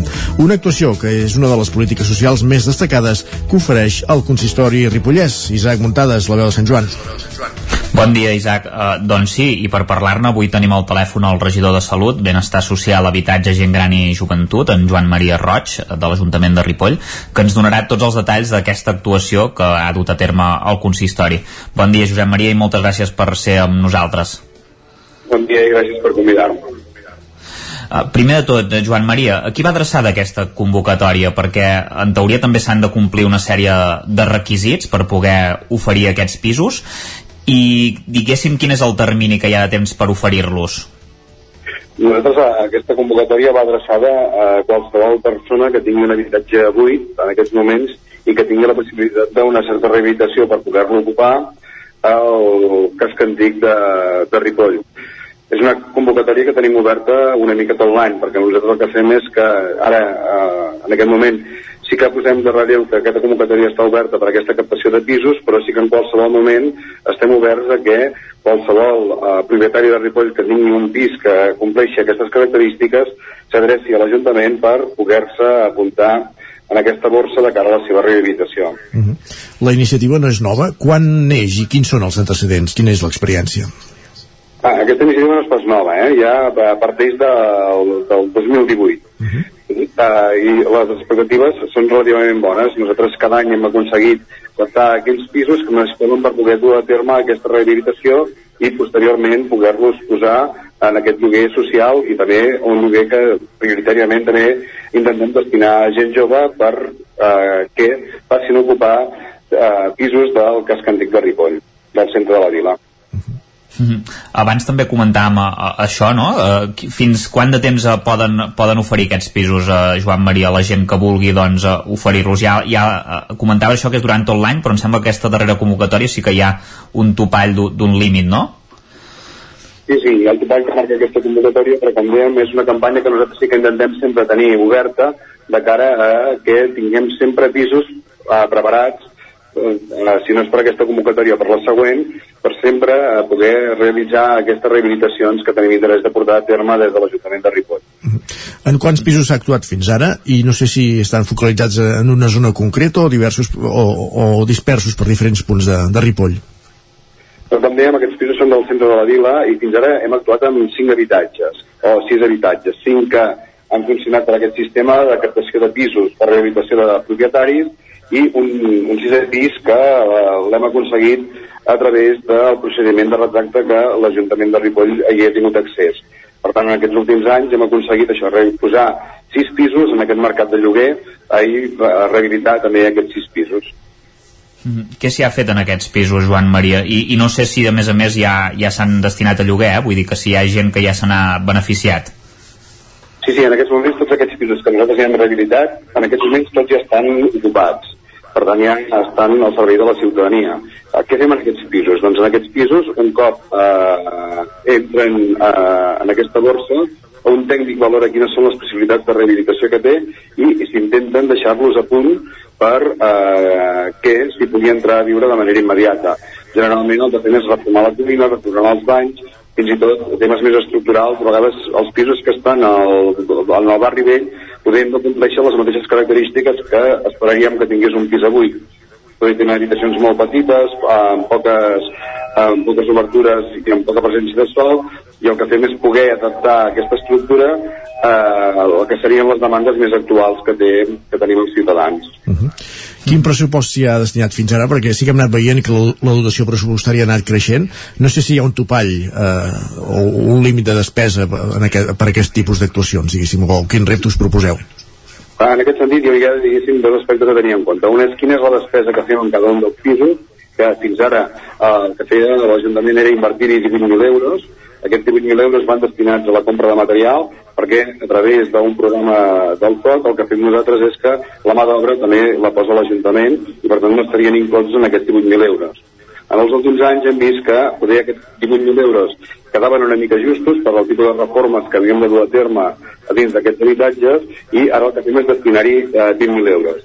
També els mateixos propietaris també acaben de completar aquest pressupost i aquest pressupost que destina l'Ajuntament a poc a poc cada any intentem que vagi creixent aquest any eh, hi destinarem uns 90.000 euros a aquestes reformes -huh. Si no ho recordo malament, Joan Maria, sembla que fa uns anys es va començar amb, amb la meitat, potser uns 45.000 euros o una cosa així, vull dir que realment uh, uh, ha anat pujant i és important. No, no sé si els pisos que, que heu anat rehabilitant, Joan Maria, uh, estan molt deteriorats, és a dir, heu, us heu trobat molt deteriorament al barri vell?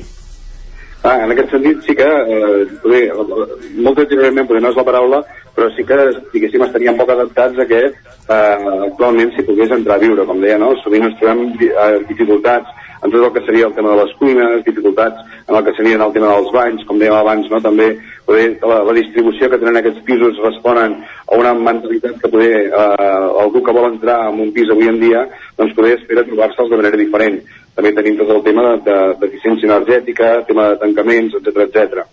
Per tant, sí que eh, la reforma que fem és una reforma integral, deixant que, si, si voleu, eh, tot i que a la ràdio no podríem tenir imatges, us convidem a veure aquesta reforma i el que, quan una persona entra en un pis d'aquests, el que fa és entrar, podríem dir, en un pis nou, totalment rehabilitat, amb un aspecte totalment eh, nou i innovador. Els objectius de l'acció és, d'una banda, entenc, eh, aprofitar pisos que, que fins ara estaven buits i de l'altra també destinar-los a habitatge social o qui se'n pot beneficiar d'aquests habitatges? Està obert al mercat eh, en general, immobiliari o, o, o la tipologia de l'habitatge ha de ser social al final? Clar, en aquest sentit, eh, com dius, eh, respon una mica en aquesta doble motivació per un cantó, nosaltres què pretenem? Pretenem no, que aquests pisos que estan en el barri vell, que potser els propietaris no sempre disposen de tots els recursos de poder, per poder-los rehabilitar, doncs que es posin en aquest mercat i que, per tant, rehabilitem aquests pisos. I per l'altre cantó, també el que aconseguim és eh, que eh, aquest aquests pisos puguin ser ocupats per persones amb diferents característiques. Cada vegada que surt, un cop tenim el pis rehabilitat, el que organitzem és un sorteig amb unes, el que s'han de complir unes determinades condicions. Com dèiem, nosaltres prioritzem també que aquests pisos siguin ocupats per gent jove, perquè també creiem que és una manera de rehabilitar, no només de rehabilitar eh, el que seria el barri vell, sinó d'aconseguir també que gent jove eh, ocupi aquest barri amb tot el que això eh, implica. Mm -hmm. Els propietaris també tenen algun tipus d'avantatge, Joan Maria? És a dir, tenen alguna bonificació per cedir aquests pisos o, o alguna cosa d'aquest tipus? En aquest sentit, el, què, què té el propietari? El propietari, com dic, nosaltres li portem a terme la reforma. Què és la, contra, la contraprestació que té? Doncs que el propietari ha de deixar, ha de garantir que durant 10 anys aquest pis estarà en aquest, aquest, en aquest lloguer de caràcter social per tant, l'Ajuntament posa eh, a disposició del propietari d'aquests 20.000 euros per, poder, per portar a terme la reforma i també el que seria tota la mà d'obra i en contraprestació esperem que el propietari ens el cedeixi durant 10 anys acceptant aquest lloguer social que eh, té un topall per part de l'Ajuntament. Uh -huh.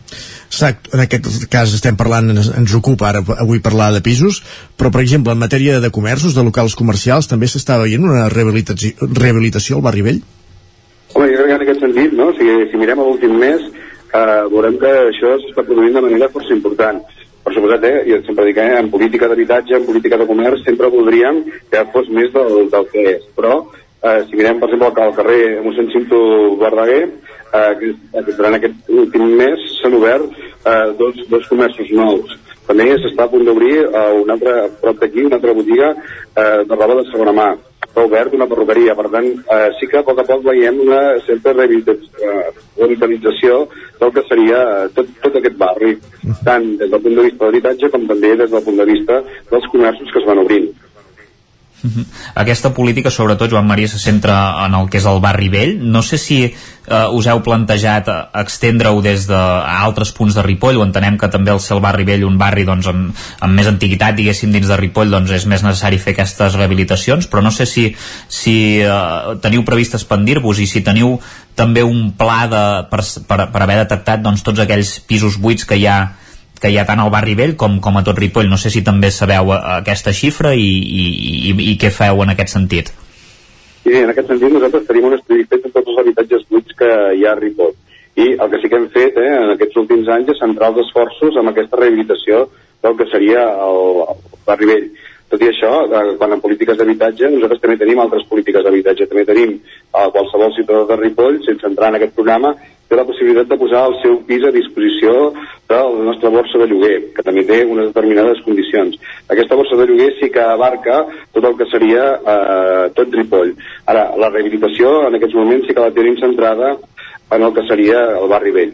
Tot i això, com sabeu, eh, ara apareixeran nous fons de finançament a nivell també eh, autonòmic i europeu que també ens han de permetre est establir altres mecanismes per aconseguir no, que tots aquests habitatges buits que tenim en aquest moment a la vila i que no es poden ocupar poder perquè no compleixen amb totes les característiques que són necessàries, doncs poder també eh, implementar-los a través d'altres programes que puguem portar a terme. Uh -huh. Joan Maria Roig, eh, regidor de Salut, Benestar Social, Habitatge, Gent Gran i Joventut de l'Ajuntament de Ripoll. Gràcies per ser avui al Territori 17 i explicar-nos aquesta iniciativa, com dèiem, de recuperació d'habitatges buits i de pujar-los a, a la borsa de, de lloguer en diferents facetes. Gràcies per ser avui amb nosaltres. Bon dia. Gràcies a vosaltres. Gràcies, Isaac, també per acompanyar-nos en aquesta entrevista el Territori 17 avança, tot bon seguit, dia. bon dia. El Territori 17 avança, tot seguit fem una petita pausa per la publicitat, però continuem de seguit amb la resta de continguts del dia. De fet, estem a l'Equadons. Falta mig programa per arribar a les 12 i estem encantats de fer-ho a partir de dos quarts d'11 fins ara mateix. El nou FM, la ràdio de casa, al 92.8. A la rostisseria El Plat ens agrada la cuina de sempre, la de les àvies i de les mares, la cuina feta amb paciència com s'ha fet tota la vida.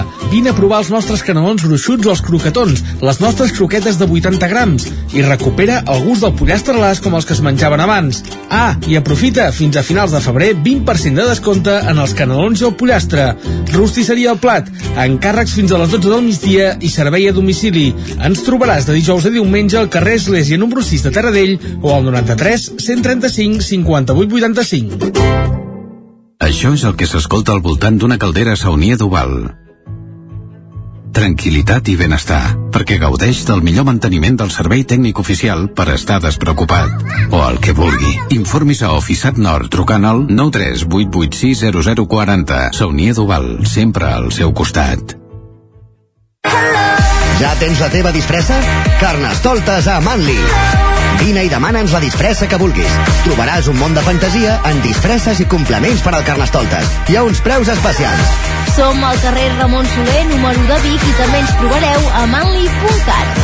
Fem de la festa una bogeria. Una bogeria. Estàs afectat pel càrtel dels cotxes? Si vas comprar un cotxe entre el 2006 i el 2013, pots recuperar fins a un 15% del preu de compra.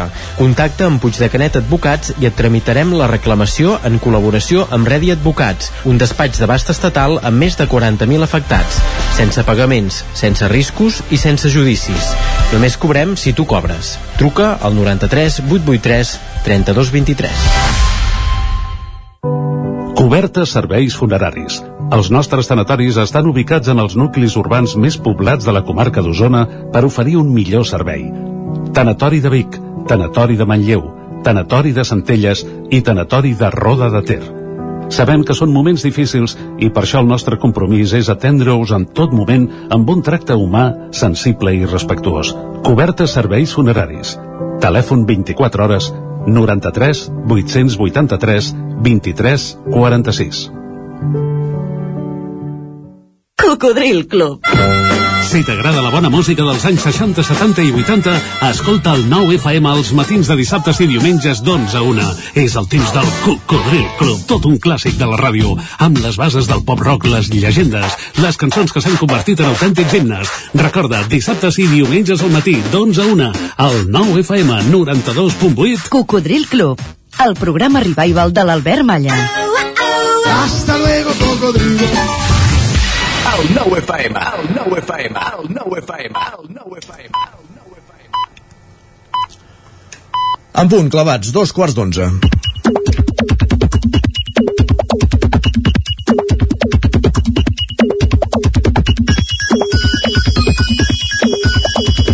I a dos quarts d'onze, cada dia és el moment de les piulades i avui tornem a tenir la Natàlia Peix aquí fent-nos companyia. Natàlia, molt bon dia. Hola, bon dia. I molt bona hora. I què ens aportes avui, va? Doncs mira, em sembla que piulades podem explicar que vinc a fer la substitució d'en Guillem Sánchez perquè ell s'ha enfilat amb un dels globus de, del Mercat Home, del Ram home, avui. de fet, Punyetero. Ens ho explicarà d'aquí una estona a la taula de redacció. Ja, ha, baix, ja ha baixat el globus, eh? Ja ha baixat. Ha aterrat, ha anat bé, sí, en tenim sí. constància. Ara és, ara és un cotxe amb uns francesos, diu. Carai. Podrien ser els pilots del globus, vaja, clar.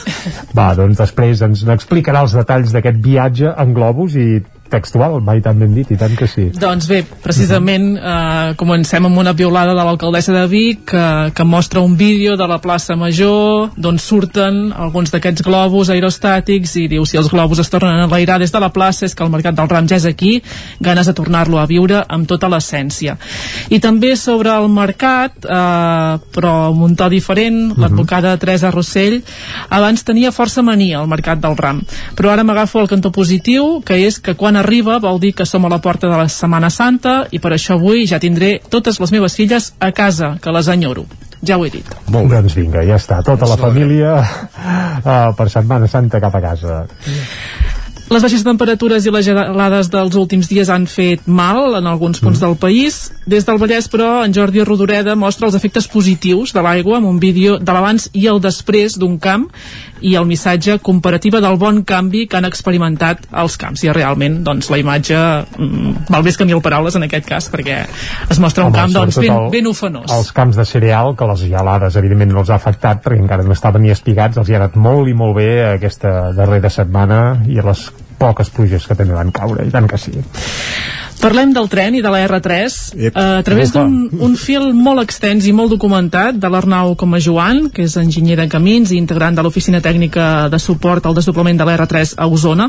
N'hem seleccionat la part inicial i la part final, on exposa les conclusions, però hi ha un gruix central de tuits amb molta documentació, que si us la voleu mirar, doncs si us interessa és, és Va, molt ampli Però i, amb tu, i Natàlia, anirem al gra, eh? Sí. va. Comença així, diu, avui el govern ha publicat els informes per fer els Jocs Olímpics d'hivern al Pirineu, un dels quals el d'anàlisi de capacitat de transport on es parla de l'R3. Els Jocs Olímpics impulsarien el desdoblament de la línia? Pregunta. Resposta. Quina sorpresa? No. I anem a les conclusions. Diu, en resum, l'informe planteja model d'explotació amb dos seccionaments de la R3, incògnita indefinició sobre els serveis entre Vic, Ripoll i Barcelona, renúncia a l'aposta pel transport en tren a Barcelona i servei intensiu pels Jocs Olímpics que deixa de banda tota l'altra demanda de mobilitat. No cal dir, doncs, continua, que evidentment tot el que fa referència a desdoblar l'R3 i no diguem fins a Puigcerdà pels Jocs Olímpics és fum i més fum una apreciació, critico que s'hagi pretès sovint que els Jocs Olímpics impulsarien un cert desdoblament, quan ara es veu que no, i això no treu que un desdoblament de la línia al Pirineu seria un disbarat en qualsevol cas, i el desdoblament en alguns trams i certes millores avancen amb o sense els Jocs Olímpics. Em Doncs van parlar l'altre dia, precisament, que a comptagotes i mica en mica sí que algun pas es va fent per aquest desdoblament de la R3 fins a Vic, no de Vic a, en amunt. Sí. També en l'àmbit de la mobilitat, i posant-hi un toc d'humor, l'Anna Pont diu any 2040, els catalans han deixat d'utilitzar els cotxes per l'estrès que els provocava passar pel túnel de Glòries. Ara, pla. N'hi ha que no hi passem, eh? I anem Ja, fent, sí, és però- veritat. El 2040, eh? Sí, Va, ens ho encara- apuntem. encara sí, queden uns quants dies. però esperem arribar-hi. Eh, bé.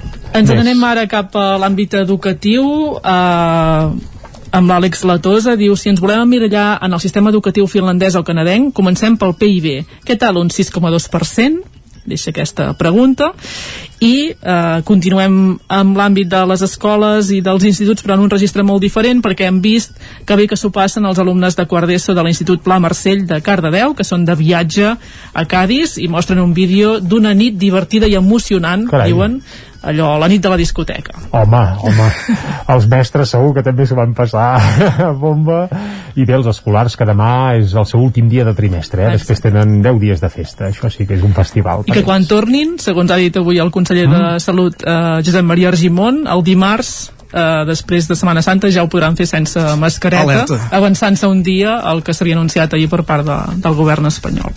Bé, en teoria el dia 19 el govern ho anunciarà perquè s'apliqui a partir del 20, a Catalunya, sembla que a partir del 19 ja s'hi valdrà. Segons, segons ha dit aquest matí en una entrevista. Doncs vinga. En clau Barça i des del Ripollès, Jordi Ramolins, em pensava que Joan Laporta ho feia bé fins que ha intentat renovar Dembélé.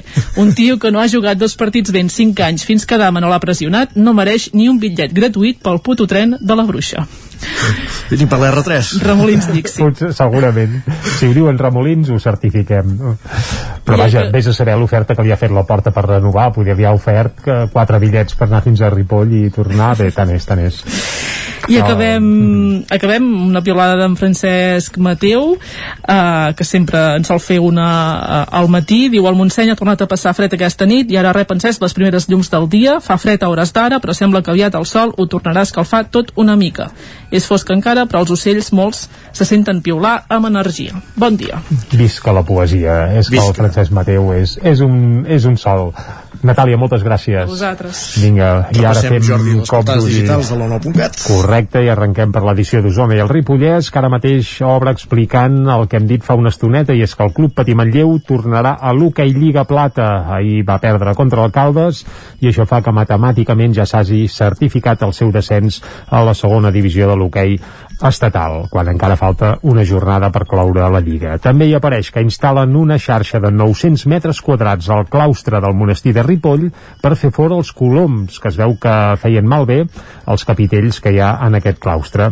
I també un llibre recull les receptes de cuina del Montseny. Anem ara cap a l'edició del Vallès Oriental, del 99.cat, i arrenquem explicant l'adeu a la companyia de Pep Bou. Saps aquell que feia bombolles, tant, espectacles amb bombolles de sabó? Doncs bé, no ha pogut superar la crisi de la Covid, seria, sembla que seria el principal detonant per haver de tancar la paradeta, és a dir, la companyia no ha pogut eh, sobreviure i de moment ha plegat veles. També aportació anual rècord d'Amics del Xiprer de Granollers. S'han aportat 180.000 euros. I també un motorista de Montornès mor en un xoc frontal a monturisme a la carretera de Vall d'Oriolf. Això va passar ahir al Vallès Oriental. Doncs moltíssimes gràcies, Jordi. Acabada el repàs digital a Twitter i a les portades de la 9.cat, entrem a la taula de redacció.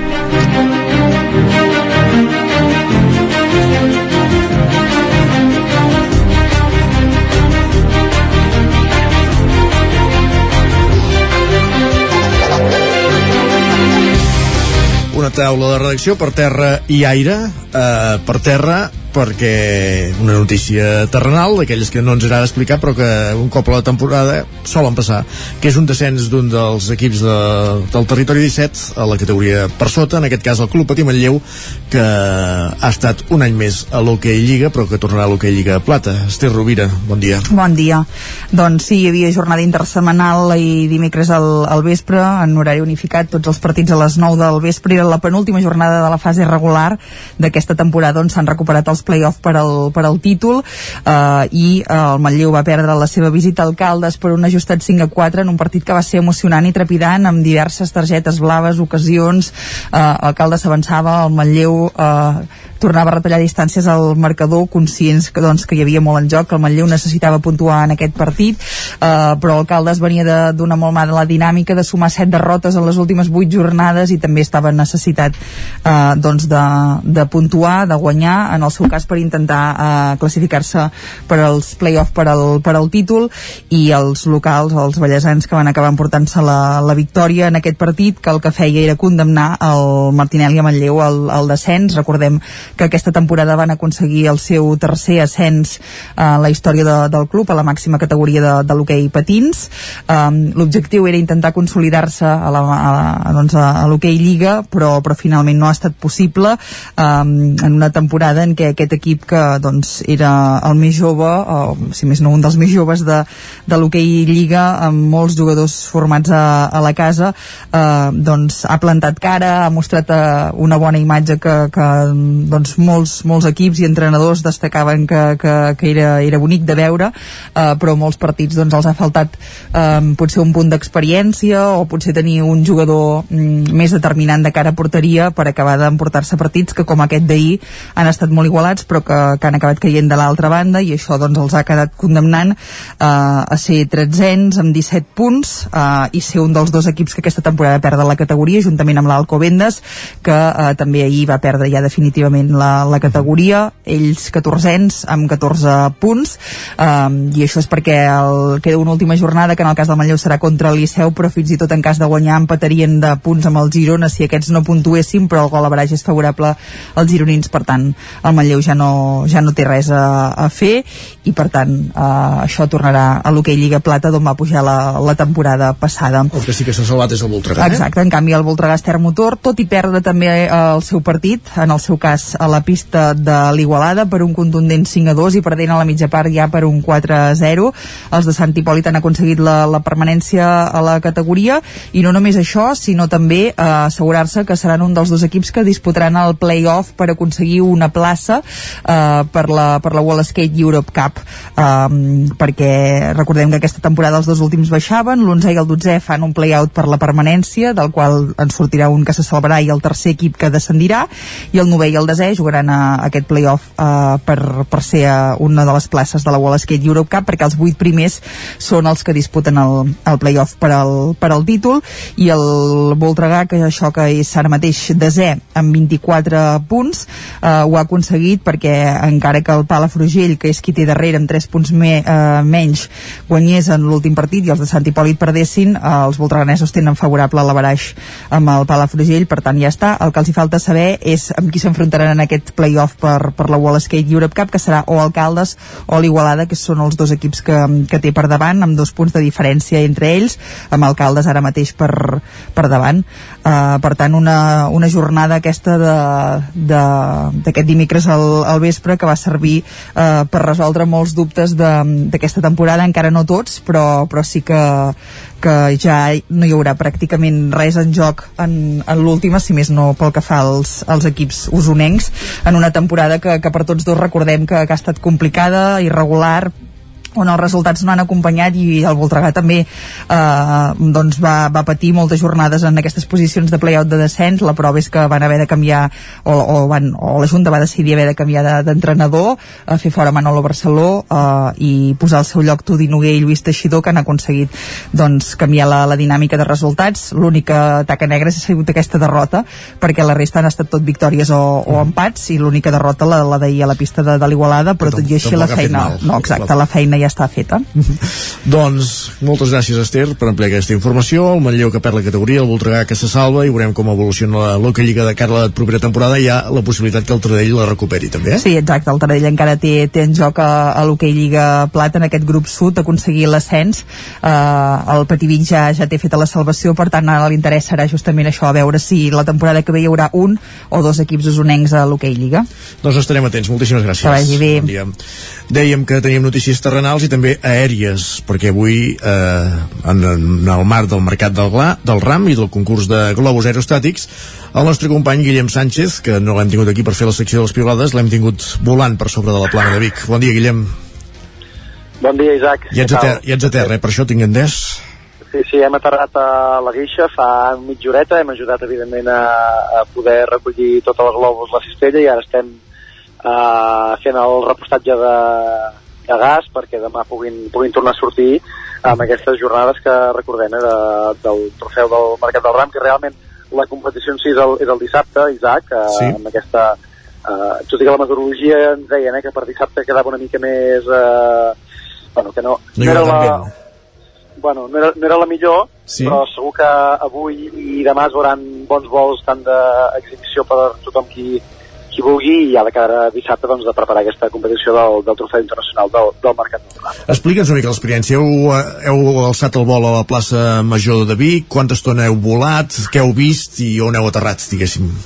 Mira, anàvem amb uns companys francesos que ens han atès molt bé. Uh -huh. De fet, eh, els dos amb qui hem pues, anaven vestits una mica també de no d'època, però portaven algun vestit d'aquests de de quan van començar a volar les primeres persones que ho van, que ho van fer. Sí. uh, i llavors ens hem alçat a les 9 i pocs minuts que de fet la nostra companya la Clàudia Dinarès uh, ens, ha, ens ha acompanyat també allà, allà a plaça per veure el vol. I hem estat uh, sobrevolant Vic i hem arribat fins a, fins a la guixa, pràcticament fins al costat de, de Planes Bones i del restaurant dels, dels Vinyals, Sí. i hem aterrallat correctament, sense cap tipus d'afectació, i bé, eh, per als que és la primera vegada que, que hem agafat un, un globus, doncs l'experiència és magnífica. De fet, no t'imagines eh, certes coses que, que hi ha a la ciutat, allò que has vist tota la vida des de, des de peu pla, poder veure des del, des del globus és, és una, una experiència eh, diferent. Guillem Sánchez avui amb ulls d'ocell. Moltíssimes gràcies i enhorabona per l'experiència. Va, vagi molt bé, Isaac. Ara, Va. bon dia. I acabem aquí aquesta taula de redacció. Tot seguit ens n'anem, hem volat per sobre la ciutat de Vic i ara ens anem a terra altre cop a la plaça.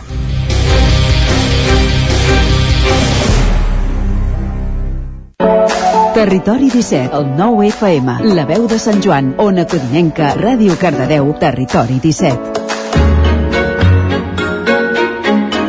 La plaça nostra de cada dijous, que ja sabeu que és aquest espai de nova economia que des de Ràdio Televisió Cardedeu ens porta la Maria López, al costat d'11.cat. I avui, Maria, bon dia per parlar de, de la creació de continguts digitals i com monetitzar-los. Bon dia. Bon dia i benvinguts un dijous més a la plaça, aquest espai terrenal on intentem fer comprensibles per tothom els grans dilemes i conceptes de la nova economia, del nou món, gràcies als, a les companyes d'11.cat. I avui, eh, que encara estem de Cardedeu amb una mica de ressaca emocional per la final d'aquest talent show que fem des d'aquí, Objectiu Paqui, volem parlar de música. I és que en la nova economia, una de les professions i formes de guanyar-se la vida és amb la creació de continguts digitals. Per això avui ens acompanya la Georgia Taglietti des d'aquest punt i en particular de com els artistes es poden guanyar la vida en el sector de la música. La Georgia ha estat durant 25 anys directora de Comunicació i Relacions Públiques del Festival Sonar, un referent de la música electrònica a nivell internacional. I a hores d'ara és directora de la plataforma She Said So, una plataforma internacional per a dones al món de la música. Bon dia. Bon dia, com estem? Molt bé, i també tenim una setmana més a la nostra estimadíssima Gemma Vallet, ella és directora de màrqueting d'11.cat. Bon dia, Gemma. Bon dia, Maria. Ja de la casa, eh, la Gemma. A veure, com és aquesta professió, Georgia, la professió de, de crear continguts i com aconsegueixes, suposo que ara és molt típic, no?, que tothom digui jo vull ser youtuber, jo vull ser instagramer, però com es converteix això realment en una professió, com es fa un creador de continguts i com es fa perquè això generi ingressos? Bueno, no té un... Si tingués la fórmula màgica crec que tot ho seríem, no? Perquè realment mm, no és estructurat com tindria que ser a nivell vull ser això. I jo sempre penso que, com a tot, eh, l'online i la creació de contingut online ve d'un context. És a dir, que tens un context a tu mateix que destaca per damunt de- d'altres coses i eh, ho practiques d'una forma diferent. Com destacar entre ells? Pues, a nivell de... És que hi ha dos, dos fases. El naixement d'una plataforma de continguts des d'un punt de vista individual i també el que es diu el mimic economy, no? Lo de, lo de comparar. Eh, me vull comparar això i vull, vull ser igual que, doncs, hi ha com un role models ara mateix, no estem parlant de que està sorgint aquesta economia, sinó que ja ha explotat, ha passat per fases de molta, mm, molta eh, difusió i fins i tot massa, i eh, com diem ara, pues, és l'època dels microinfluencers, no dels macroinfluencers. És l'època en què quasi tots tindríem que tindre la possibilitat de eh, tindre una forma d'expressió. Aquí- hem de fer una gran diferència a nivell de contingut, si creador de contingut, que és que, mm, parlant de música més, ja que era el tema d'avui, eh, pots, pots encara calcular per què vols crear aquests continguts. Jo considero que ara hi ha tres plataformes bàsiques. Una és l'offline, que és a dir, vull fer en directe i vull ser artista en l'offline. L'altra és vull crear continguts per l'online 2.0, que és allò Instagram, to- TikTok, eh, eh, YouTube o Twitch, per exemple, que és una plataforma amb moltíssima evolució, o directament hi ha gent, perquè me l'he trobat a la classe, perquè jo dono classes, que ja està pensant en desenvolupar continguts per la web 3.0 o pel metaverso.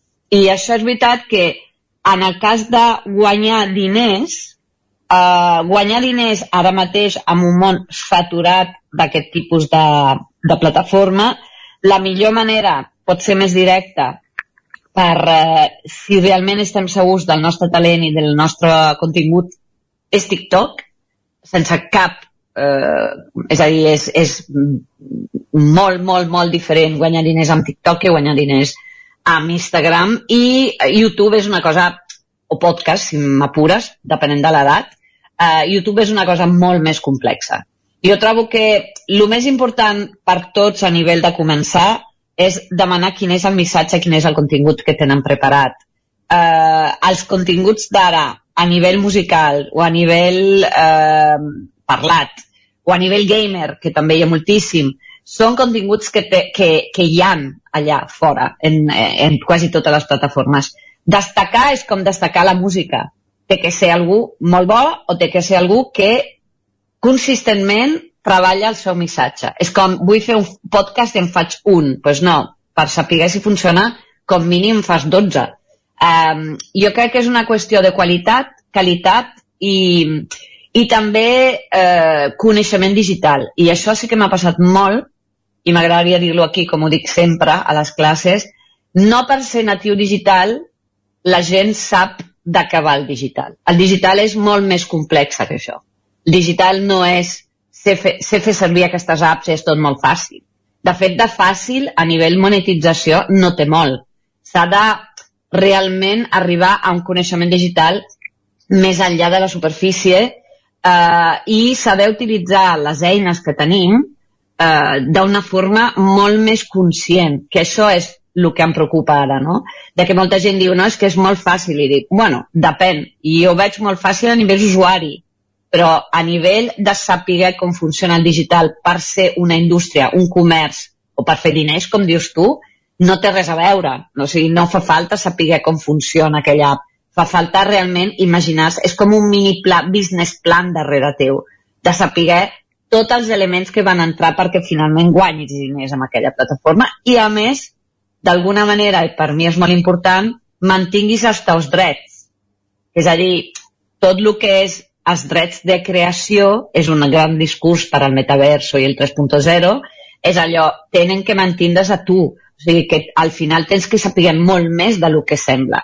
No es tracta de jugar davant una càmera o no es tracta de cantar davant una càmera. És realment entendre com quins canals de difusió s'utilitzen i per què i a on vols arribar. Amb la qual clar, la generació que nosaltres considerem native digital, sobretot, diguem, les que ja no són tan joves, eh, segueixen pensant que són nativos digitales, que no necessiten res, però no han tingut mai classes de digital.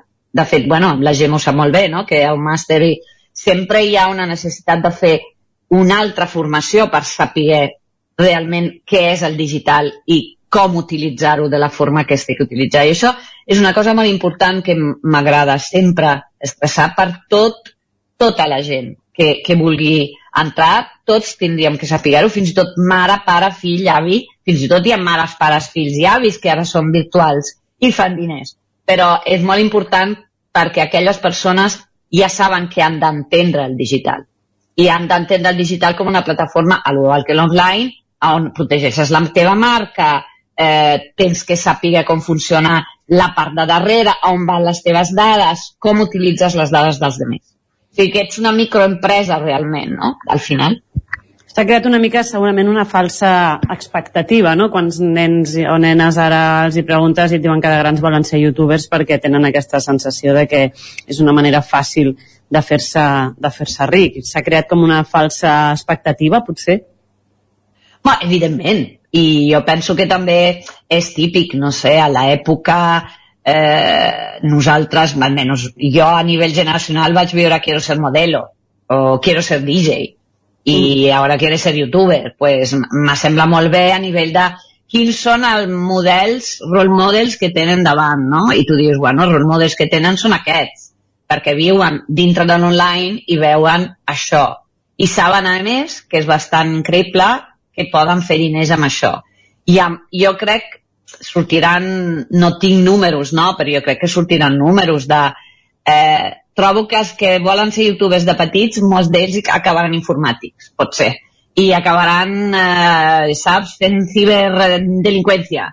um, o gamers, perquè en el fons, per exemple, és veritat que a, a casa meva sempre hem pres molt en sèrio el tema del gaming. No, jo no sóc gamer, però els meus nebots sí, i sempre li hem deixat jugar, fins i tot quan jugar era com, uh, no, jugar... Masses hores, no? De... Es tornaran tots violents i tal i mm. qual, cosa que ja s'ha demostrat que no, però és veritat que, per exemple, ells estan molt més preparats a, a la part digital, perquè els gamers sí que eh, de fet són els primers metes, jo sempre li dic, són els primers que han arribat al meta, no? al, al web 3.0.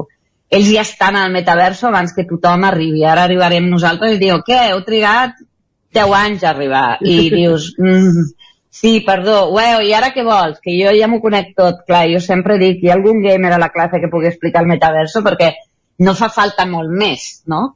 I, i per això dic, tots els gamers, per exemple, que ens puguen escoltar aquí, pues tenen el futur al metaverso guanyat.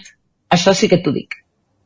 Són les noves, les noves professions que a vegades ens costen de, o, o han costat de concebre no? com, a, com a professions i, i crec que ho havíem parlat alguna altra vegada amb la Gemma és que les professions que, que hi hauran d'aquí 20 anys quan el meu fill petit hagi de treballar és que ni existeixen segurament ara no? i vés a saber d'aquí d'aquí a, a llavors entrant una mica en el món de la, de la música que, que és el que dèiem de capçalera eh, evidentment és un món que ha canviat molt, no? Vull dir, el músic segurament ja no es guanya, dic jo, segurament ja no es guanya la vida pels discos que la gent va comprar o els CDs que la gent va comprar, perquè amb el món d'internet, amb tota l'era digital, ja no fa falta anar a comprar un disc, podem tenir la música al nostre abast a través de Spotify o a través de mil eines eh, per arribar a aquests continguts. Com sobreviuen els músics enmig de tota aquesta, de, de tota aquesta era digital? Depenent, a veure, sincerament, els músics, i ho ha demostrat el, la Covid, um, han viscut del directe, pràcticament, fins al 2020, març. I, i evidentment tot el problema que hem tingut a nivell de destrucció de feines, a nivell d'agricultura, és perquè, eh, al igual que teníem un monocultiu de, de turisme, tenim un monocultiu de directes um, i el, el tema del directe es va, es va tornar tan important precisament per la difusió en streaming i, i la falta de guanyar prou diners eh, per aquesta banda de que el directe es va, es va considerar pràcticament l'únic... Eh, parlem de músics normals, no? Després parlarem dels músics aquells que guanyen milions i milions, però a, a nivell de músics normal el directe era importantíssim i la gira eren molt importants i, i clar, el problema que s'ha demostrat a nivell, a nivell, a nivell Covid és que, és que directament l'economia depenia d'aquest directe. Amb la qual ara eh, és molt difícil dir-te eh, certament eh, com, com serà la reconstrucció hi han hagut dos elements al 2022 una mica tristos. Una és que durant el 2021 eh, per la Covid tothom, promotors, etc, clubs i el que sigui, eh, es van dedicar a tornar a contractar gent local en vez de gent internacional perquè no es podia viatjar. Se li ha donat més pas al talent nacional i al talent local perquè era el més còmode, sincerament, però bueno, jo deia que era una tendència que podia ser molt interessant a recuperar en un futur i ara pues, venen els grandes i com tenen un contracte firmat des de fa dos anys que tenen que tornar perquè són els contractes que van cancel·lar durant el 2020 pues, eh, evidentment pues, eh, el talento local vuelve a estar el, al fons de l'escala uh, ara, jo com soc, soc optimista penso que eh, aquest talent local ha tingut temps de fer-se una mica de muscle hauria de tindre una mica més de visió i eh, aprofitar el pas d'aquest estiu, que és l'estiu encara que depèn de contractes firmats el 2020, perquè això és com funciona la indústria musical, i quan tot aquest pre-Covid, post-Covid legal s'acabi, eh, jo crec que finalment podem veure com hem quedat i què passarà a, a nivell de telemusical en el directe. El directe. Uh, L'altre què és? L'altre és, doncs pues mira, ara mateix penso que un dels, precisament el que t'he explicat de Monai, l'app uh, de sons, és que el so, i, i bueno, suposo que la gent ho sap, o l'audiomàrqueting o la part d'àudio està, està com agafant molta importància i més n'agafarà en els propers anys. En aquest sentit, el músic es pot convertir o pot fer també de productor, productor d'àudio, productor de sons, treballar amb altres sentits. No li queda això de quiero, quitar, quiero tocar la guitarra, sinó hi ha moltes op opcions d'aplicacions de música o musicals o de sons que no necessàriament van lligades a fer música amb una cançó. I això per mi és molt important, el fet de que si ets músic et quedis de vull fer un... bueno, directament si em diu és que vull fer uh, un àlbum. bueno, doncs, àlbums hi ha molt pocs eh, i trigaràs 3 anys. I eh, ningú l'escoltarà seguit. Tothom escoltarà una cançó, dos cançons, tres cançons a la, a la manera del, de l'streaming desordenat. Amb la qual sí que s'ha de plantejar altres prioritats. I altres prioritats, per exemple, per ajudar a tindre ingressos, evidentment és pues, treballar amb un sentit més marketingiano, més d'estudi, més de producció. Jo trobo que, per exemple, la producció musical està molt, molt poc desenvolupada.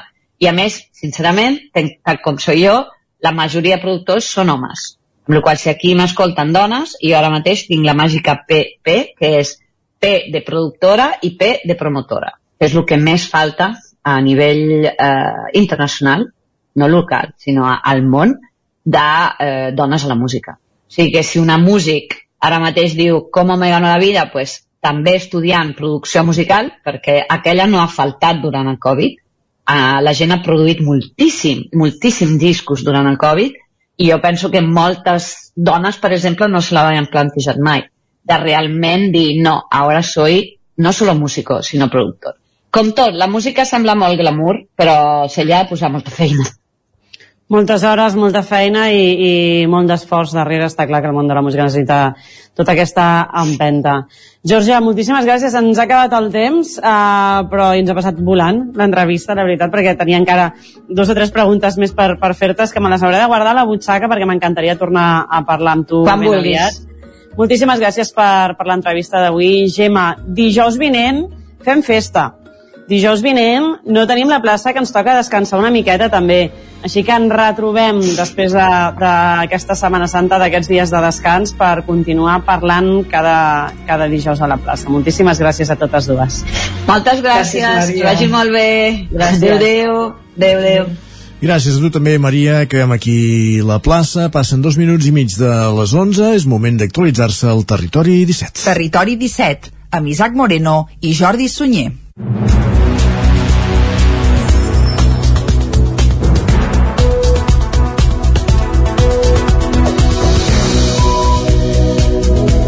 Moment d'explicar-vos al Territori 17 que està en marxa a l'Auditori del Sucre de Vic la primera edició del Congrés de Bioeconomia, Innovació i Tecnologia, el BIT. La proposta té l'objectiu de transformar el sector primari i promoure una producció més eficient, sostenible i respectuosa amb el medi ambient.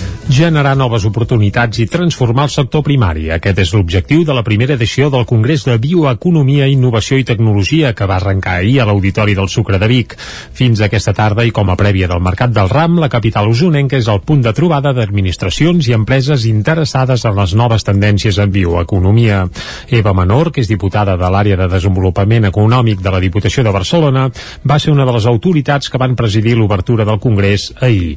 En el seu discurs parlava de la necessitat de transformar les cadenes de valor. L'escoltem. En un entorn d'emergència de, climàtica, en un entorn de postpandèmia, amb una crisi com la que estem vivint, jo crec que és més necessari que mai transformar les cadenes de valor per tal de que tinguin més capacitat de crear i retenir talent, de crear i retenir inversions, d'afavorir la innovació, de dissenyar nous productes més saludables que a capdavall eh, els faran més competitius i també gestionar el territori perquè sigui un entorn propici de vida per a nosaltres i les generacions futures. En la mateixa línia, Carla Givert, eh, diputat de Transformació Econòmica de la Diputació de Lleida, parlava de la necessitat de posar la bioeconomia al centre per tal d'aturar el que va dir ja pot considerar-se una catàstrofe climàtica. Escoltem a Carles Givert. I el canvi climàtic és una realitat i per tant estem a poc temps, parlaven ja de dos o tres anys, per intentar revertir o si més no aturar ja no aquesta crisi climàtica sinó la catàstrofe climàtica a la que estem, a la que estem abocats si no fem res al canvi.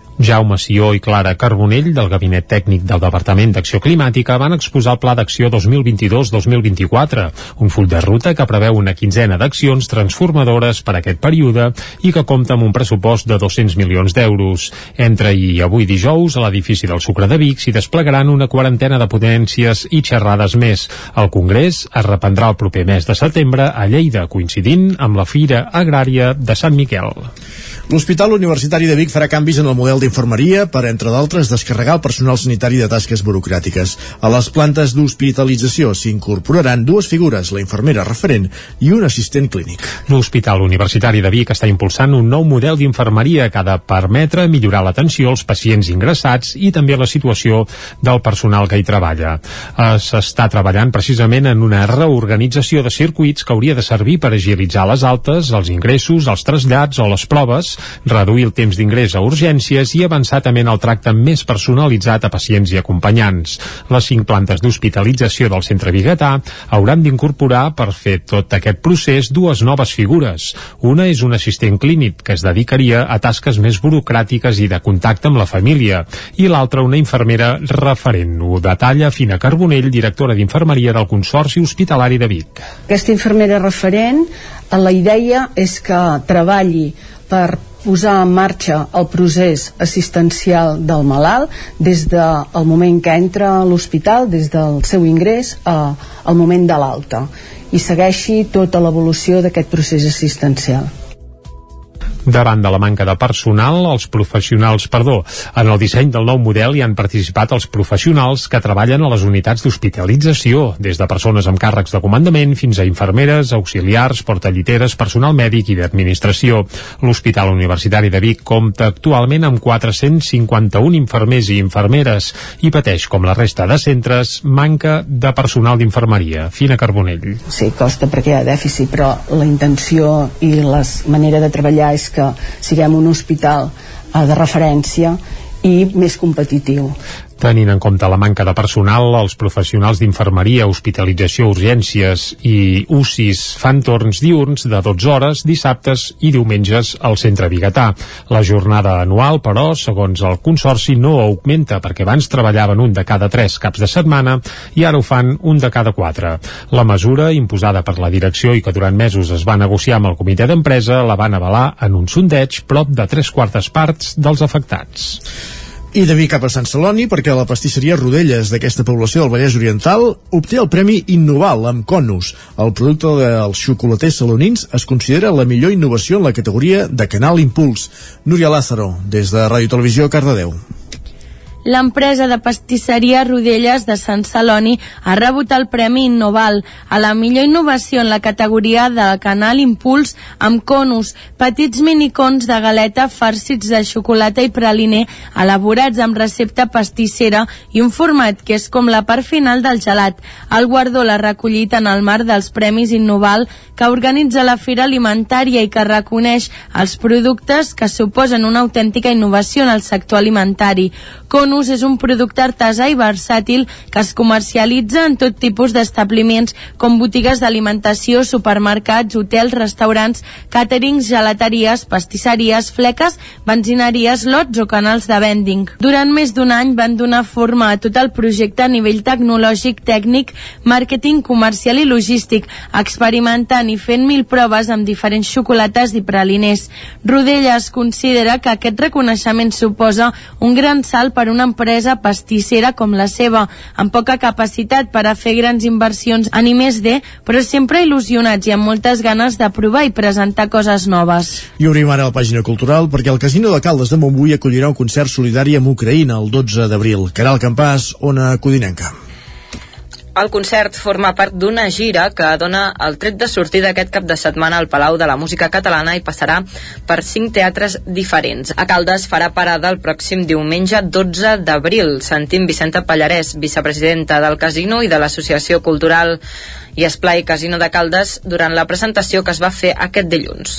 Pretenem que a través de la cultura, sobretot a través d'aquesta música magnífica que proporcionarà Joficat, que és la, la Jove Orquestra Sinfònica de Catalunya, pretenem que sigui una ajuda per totes aquelles persones que desgraciadament estan passant aquest calvari. Si nosaltres ens limitéssim a donar un donatiu seria tan vàlid com això però vam entendre i així ens ho va proposar el director i de seguida vam estar d'acord vam entendre que el fet de fer aquest concert dona un altre eh, missatge que només fer el donatiu. Té un missatge també de transmetre una obra cultural, musical molt important Melanie Mestre, director de l'orquestra, dirigirà 40 músics i 250 cantaires per interpretar el Requiem de Mozart i altres obres del compositor austríac.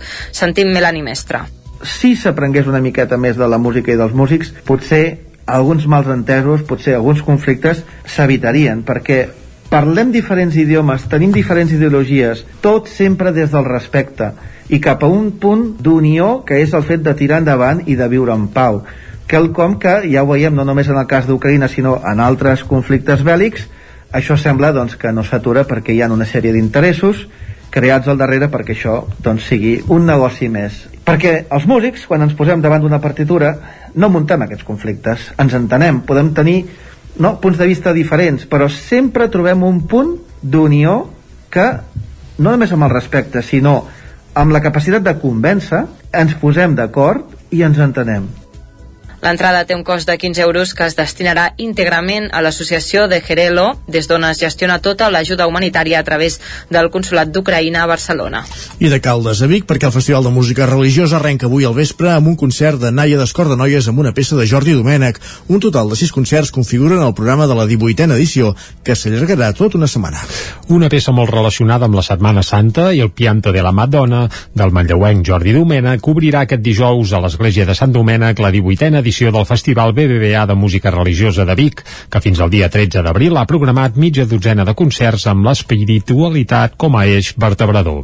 En la primera actuació seran protagonistes Naia d'Escordanoies, que van estrenar la peça el desembre passat a Manlleu amb motiu del seu 20è aniversari. I les Nàiades compartiran escenari amb les veus del cor Exaudio d'Igualada i també el cor Reglepte de Sant Cugat del Vallès. La part orquestral anirà a càrrec de la Camerata Penedès, dirigida per Oriol Castanyer, amb la soprano solista Marta Valero. El 18è Festival BBA de Música Religiosa, promogut des de les parròquies de la Pietat i Sant Domènec, continuarà amb altres concerts a partir de dissabte en dos escenaris més de Vic, l'Església de l'Escorial i el Museu d'Art Medieval, i també es farà un concert al monestir de Sant Pere de Casserres, com ja és habitual. A Casserres, precisament, hi actuarà diumenge a les 12 del migdia el cor femení Scherzo amb l'Orquestra de Cambra Terrassa 48, amb el concert Les Filles del Cor, que ret homenatge a les oblidades dels cantants i instrumentistes de la Venècia del segle XVIII que actuaven als hospedale, als orfenats on vivien.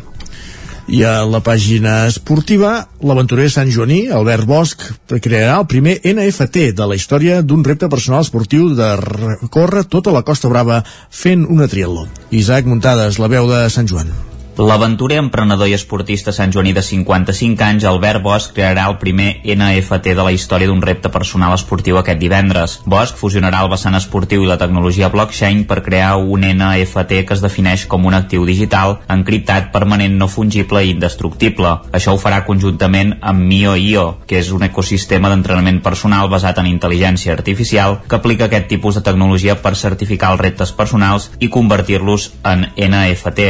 El repte, titulat Costa Brava Integral Triatló, consistirà a recórrer tota la Costa Brava de nord a sud en aquesta modalitat esportiva. Bosch sortirà de la frontera exacta entre Catalunya i França i nedarà uns 3 quilòmetres fins a Portbou, acompanyat de Miquel Sunyer, un especialista en natació en aigües obertes. Tot seguit agafarà la bicicleta i pedalarà 145 quilòmetres entre Portbou i Tossa de Mar pel litoral amb Arcadi Romera, el pioner del triatló a Catalunya. Finalment farà un tram a peu de 24 quilòmetres corrent fins a la Roca Sapalomera de Planes, amb el guiatge de dos especialistes en trail running de llargues distàncies, Eva Llinàs i Xai Marina. Bosch estarà geolocalitzat en tot moment a través de satèl·lit i pel sistema GSM, i tots els vídeos, fotografies i testimonis que l'acompanyaran formaran part del NFT. Bosch explica quins són els objectius d'aquest repte. M'he de posar l'aigua al cap de Cervera a demà a les set i mitja del matí, que és l'època de l'any que està més freda, la zona del Mediterrani que és més freda, el litoral català i espanyol, i a més a més està dos graus més freda del normal per, per l'onada de fred de la setmana passada, el repte també hi és, eh, i em fa gràcia, sabeu que m'agrada però sobretot això em serveix per l'objectiu de demostrar que amb els projectes i reptes personals sempre hi ha lloc per la innovació i la creativitat, molt important, i després per inspirar també els esportistes a que visquin l'esport amb plenitud i amb expansió, tinguin l'edat que tinguin, tinguin la condició de física o, de, o, o genètica que tinguin, perquè molta gent no pot ser campió del món, ni campió olímpic, ni pot jugar al Barça, però, però pot fer projectes a, a través de l'esport de salut, de, de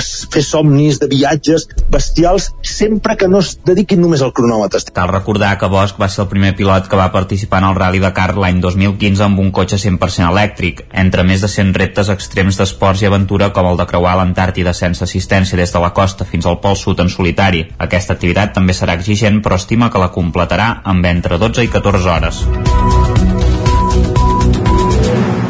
Un quart clavat de 12 del migdia i al territori 17, després de fer aquest repàs informatiu amb Isaac Muntades, Núria Lázaro, Caral Campàs i Jordi Sunyer, el que fem és parlar de llengua. Territori 17. Envia'ns les teves notes de veu per WhatsApp al 646 079 023. 646 079 023. WhatsApp Territori 17.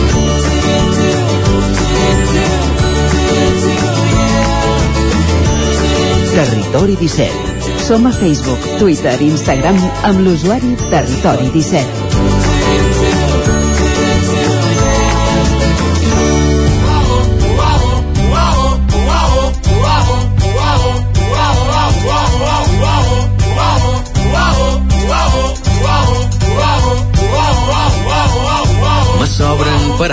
I per parlar de llengua i de paraules, cada dijous, cada 15 dies ens acompanya la Cristina Enfruns, ja la tenim a l'estudi, aquí saludem, bon dia, benvinguda. Bon dia.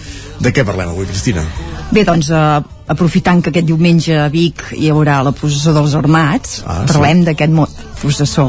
Molt bé. I és que segur que molts de vosaltres... Professor. Heu, Mhm, doncs en diem processó, però què, està bé aquesta paraula professor o no? Doncs, perquè ho sapigueu, tan correcte és processor com professor. Si busqueu el diccionari normatiu, les trobareu totes dues. El que no puc parlar és del processor de matemàtiques, eh? Aquest no. Bueno, també en parlarem per això, ara més avall en parlarem, si vols. Entesos. Però bé, doncs que quedi clar, eh? Uh, el mot processor mm, prové del llatí, processione, que té aquest mateix significat. I professor seria el que en diem una dissimilació, és a dir, per evitar que hi hagi dos sons de l'S massa propers, doncs es tendeixen a diferenciar. I, i, i per això en diem professor, eh?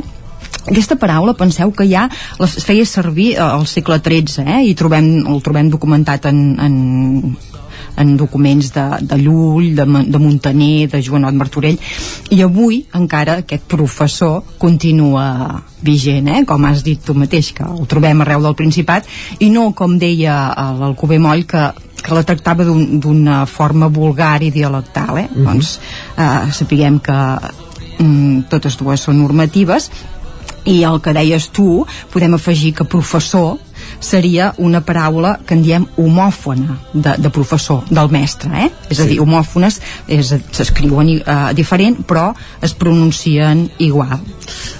Sí que podem dir que per depèn qui les matemàtiques també poden ser una, una, una processó. I, i llarga, eh? doncs bé, Una llarga eh, penitència. perquè sapigueu que podem dir tant una cosa com l'altra i que no ens sembli que aquesta, aquest fet de dir-ne professor sigui una, un, error. una forma vulgar o el que sigui. Eh? Totes dues estan al diccionari, totes dues les podem fer servir.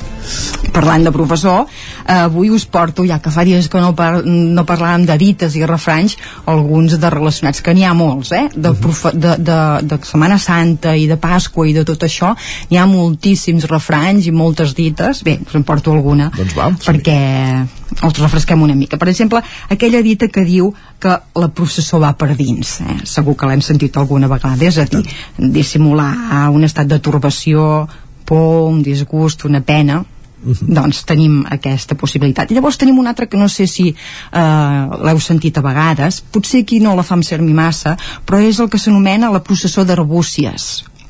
No la conec aquesta. Ja. És, és, són termes com mig meteorològics, per dir-ho d'alguna manera. Eh? Eh, eh, la processó d'arbúcies és el nom que es dona vulgar, vulgarment a la boira que està al Montseny, eh, que està ajaguda al Montseny al Tagamanent, sí. i que sol assenyalar pluja. Entesos. Eh, Seria aquesta processó d'arbúcies. I també hi ha una altra processó, que és la processó de Tossa, que també en termes meteorològics és una faixa de núvols blanquinosos que s'estén de, uh, des del pic de Begur fins a, al, al coll de Tossa i també l'Empordà és un indici de pluja eh? Bé, imagina't si podem fer servir aquest terme de, de, de processó i n'hi ha moltes eh? Uh, com dèiem abans també de Pasqua en trobem moltes com la típica aquella fer Pasqua abans de Rams Oh, tant, sí. eh?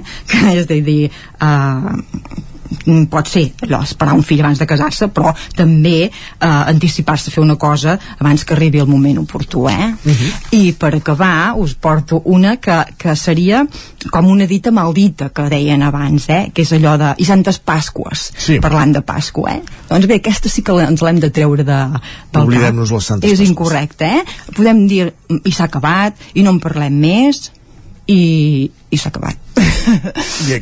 aquesta que ve del castellà, el Santes Pasques? Segurament, sí, sí, sí, sí. Però sí que la tenim bastant interioritzada, doncs eh, tenim altres alternatives i per tant mm, doncs la podem Estalviar. estalviar. Anem per la música, no? Vinga. Som-hi.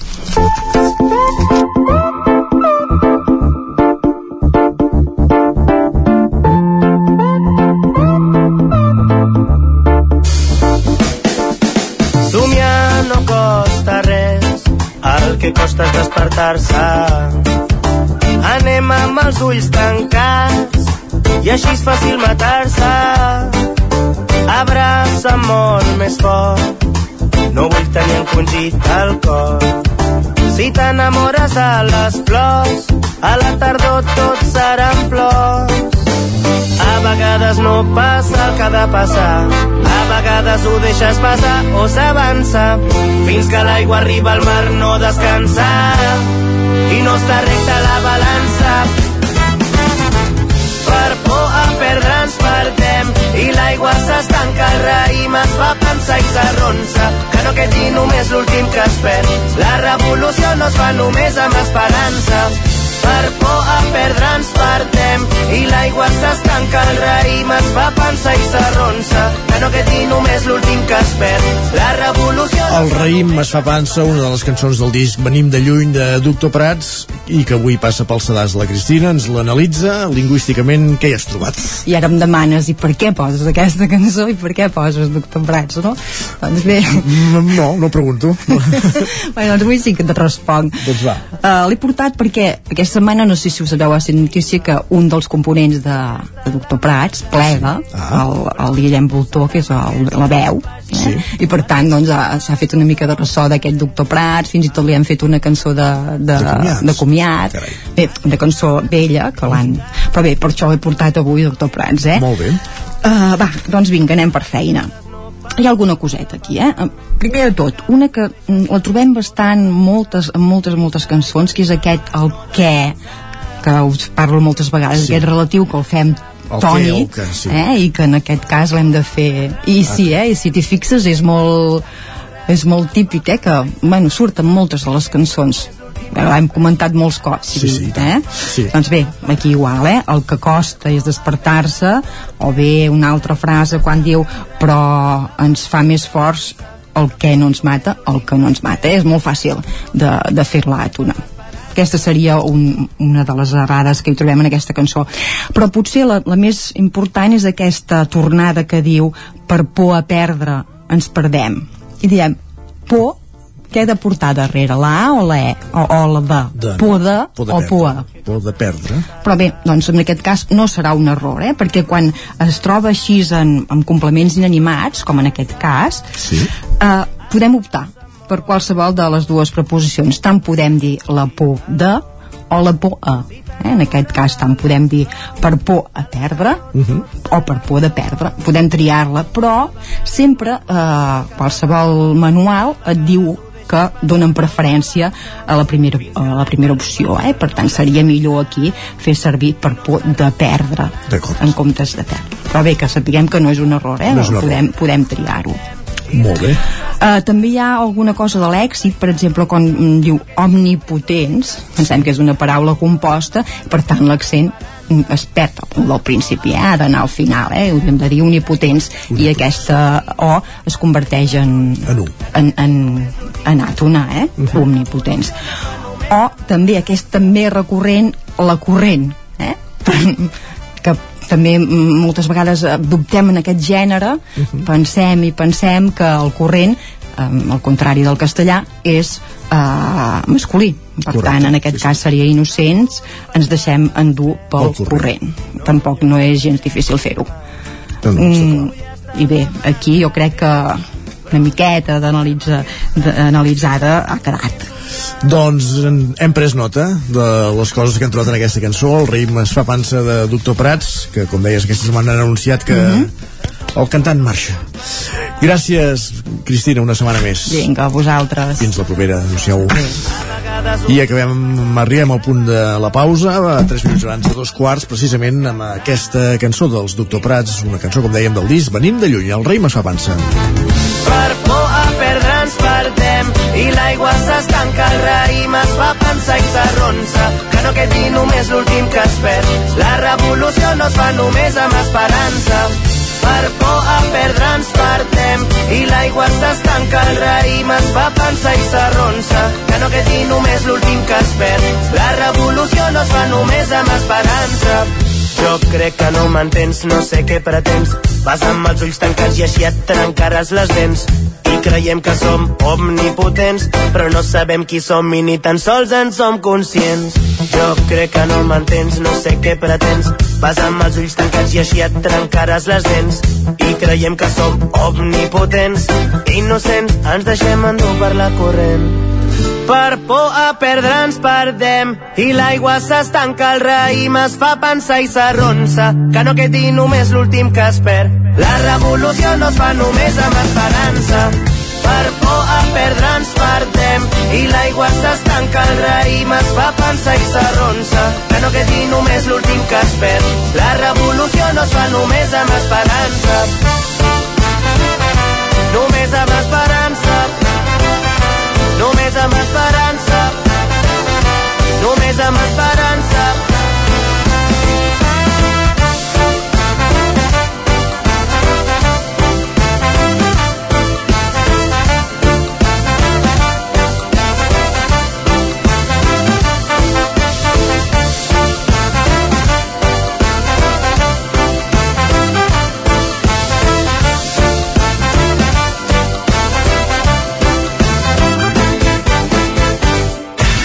El nou FM, la ràdio de casa, al 92.8. A la Clínica Dental Sant Fortià hi trobareu un equip professional que treballa de manera coordinada per oferir un tracte sensible i humà. Estem preparats per qualsevol urgència dental i oferim accions preventives per la tercera edat i els infants. El doctor Ramon Garcia, implantòleg de Barcelona, fa 10 anys que visita Torelló. Clínica Dental Sant Fortià. Ens trobareu a la plaça Sant Fortià número 9 de Torelló al 93 859 6408 i al 690 92 51 99. El racó de León ja és primavera.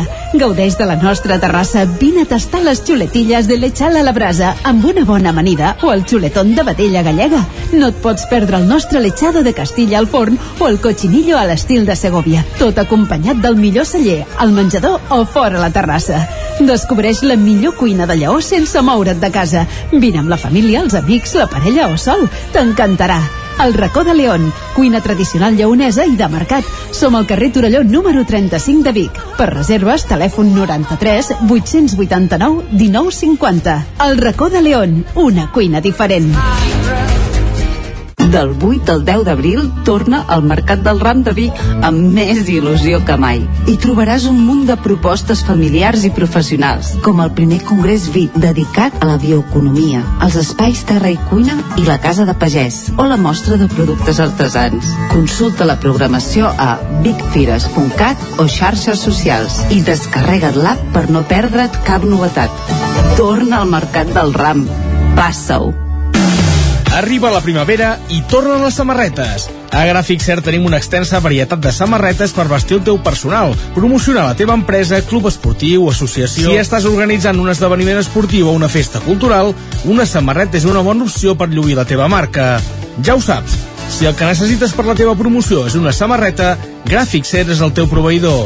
I ara també tenim a la teva disposició samarretes 100% reciclades tant de cotó com de polièster. No esperis més i truca'ns al 93 886 12 15 o visita'ns a graficser.com. Retus 2A. Experts en comunicació visual. Rètols, banderoles, vinils, impressió, plaques gravades, senyalització, display... Rètols Dos Art. Ja són 25 anys al vostre servei. Ens trobareu a la carretera de Vic a Olot, número 7, al polígon Malloles de Vic. dosartvic.com Telèfon 93 889 2588. El nou FM, el nou FM, el nou FM, el nou FM, el nou FM.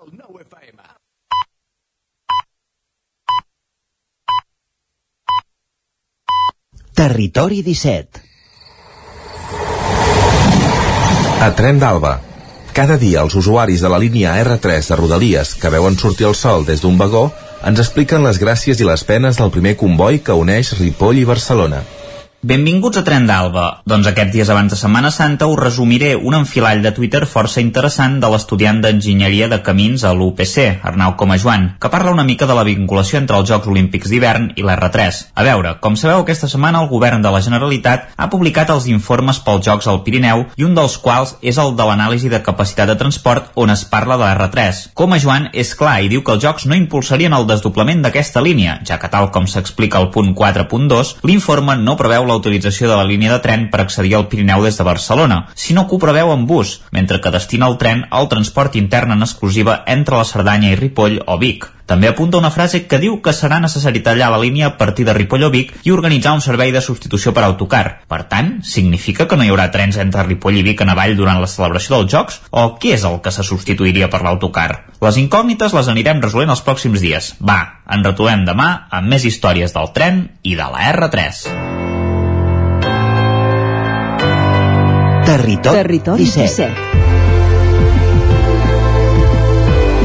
Territori 17.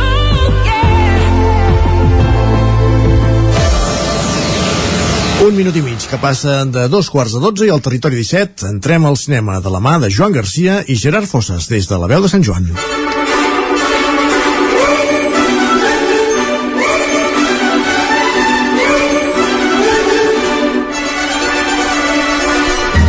Una setmana més, moment d'anar al cinema i de fer-ho amb el nostre col·laborador, en Gerard Fosses, que ja el tenim amb nosaltres. Hola, Gerard. Hola, què tal? Bé, i tu? Bé, eh, a punt d'anar al cinema aquesta setmana i a més he de dir que, que vaig anar-hi i vaig disfrutar molt de, de la projecció de, de Grupo Salvaje que vam fer al Cineclub de Vic Mm -hmm. per tant recomano molt que la gent vingui a les futures sessions que faran amb, amb projeccions en 35 mil·límetres de pel·lícules de, de Sant Peckinpah perquè realment va ser una, una projecció molt, molt joiosa, diguem, amb públic entregat i... i Estem parlant de la, pres de la presentació del, del, del Festival Nits, no? No, no, no, no, Ah. del Cineclub. Ah, vale, vale. El Cineclub, que ja, ja en vam parlar. Feien una projecció del Sant Peckinpah Sí, és cert, cert, en sí, sí. format 35 mil·límetres i ho faran amb dues pel·lícules més, per tant, Mm. ja anirem dient quan arribin setmana a setmana, però només remarcar que realment va ser una magnífica sessió i que ho repetirem en el futur. Molt bé. Vull dir, perquè sí que, sí que també hi havia aquest cap de setmana la presentació de, del Nits de Cinema Orientat, ja en parlarem un altre dia. Uh, anem, anem a fer un repàs de les estrenes d'aquesta setmana no... per cert, jo, jo també vaig anar al cinema eh? Ah, sí? amb, les, cri amb les criatures, unos tipos malos Ai, què tal? bé, mira, detinguda eh? Perfecte. Sí. Uh, una altra que espero també en algun moment poder-la veure amb les criatures és eh, la primera de les que parlaràs avui i que és una seqüela o preqüela de Harry Potter. Sí, és, és preqüela, seqüela de tot. Uh, es tracta d'Animales Fantásticos, Los Secretos de Dumbledore. Este recuerdo lo es todo. Sin él estaríamos ciegos. Sin él dejaríamos el destino del mundo a su merced.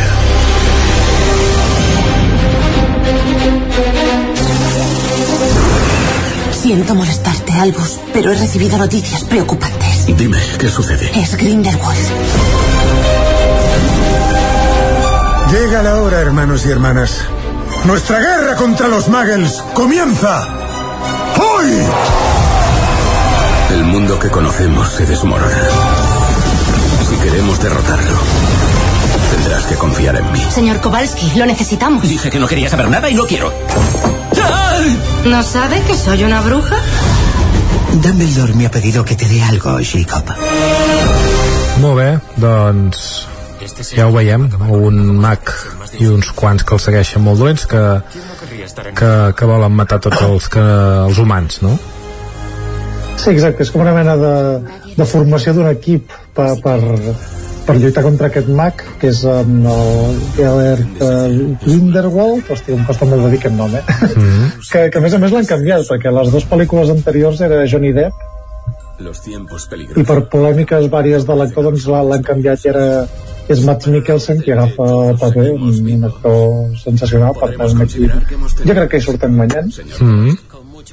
Però si vols te'n deixo parlar més a tu perquè ara aquí em tiro pedres sobre la taulada però no he vist cap de les, de les tres pel·lícules d'animals fantàstics No, no, jo I- tampoc, eh? No hi he arribat, no hi he arribat pas, eh? Si tot just estem, estem, estem arrencant en Harry Potter. Vam mirar la primera i, clar, tinc una de 3 anys que va quedar traumatitzat uns minuts. És molt valent, eh? Vull dir, la, la vam mirar perquè sabem que la primera és més és més tranquil·la i hem acabat en aquesta, però vull dir, no tampoc t'he de dir gaire, no, no et puc dir gaire res, la veritat. Bé, doncs jo et dic el, que en sé, que és això, aquesta història prequela de, Harry Potter, eh, on el, el protagonista és un, un Dumbledore eh, jove, interpretat per, per Jude Law, i, i sé que la primera pel·lícula tenia a veure amb una mena de recerca de d'uns animals fantàstics, per, per això la, la saga es titula així, i diguem que, que aquí ens anem acostant ja més cap a, cap a l'univers de Harry Potter i a més a més el, el trailer de la pel·lícula ja s'anticipen molts elements que, que apareixen als films de Harry Potter. El que passa que em dona aquesta sensació que, que és un digital molt eh, artificial que llueix tot molt malament. Mm. i m'estan mirant una mica les crítiques que han fet a, a Estats Units i, i parlen de- d'una cosa bastant avorrida en general, com que són dues hores de, de camp passavia i sembla que no, no, no ha tingut molt èxit però sé que la, la franquícia ha anat fent els seus diners. Òbviament Harry Potter sempre, sempre tira per, per alguna banda. Uh, però bé, al final són una, una saga de pel·lícules que, que al final n'han fet tres que jo de fet em pensava que era la segona. Imagina't com vaig el, el dia d'això.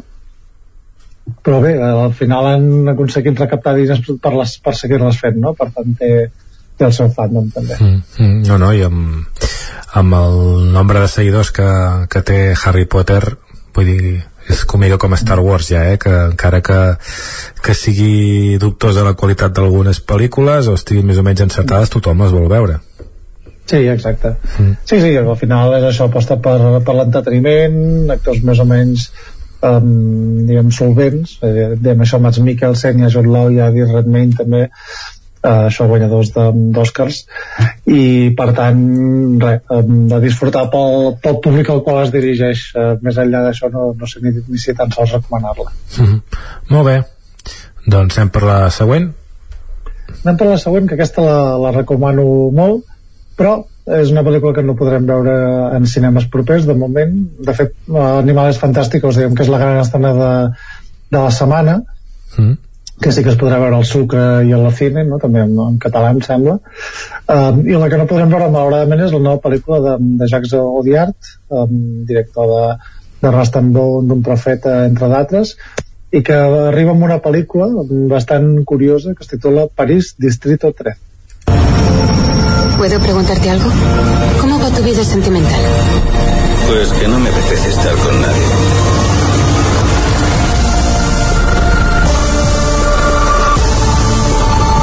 ¿Y por qué lo dejó? Para mudarme a París.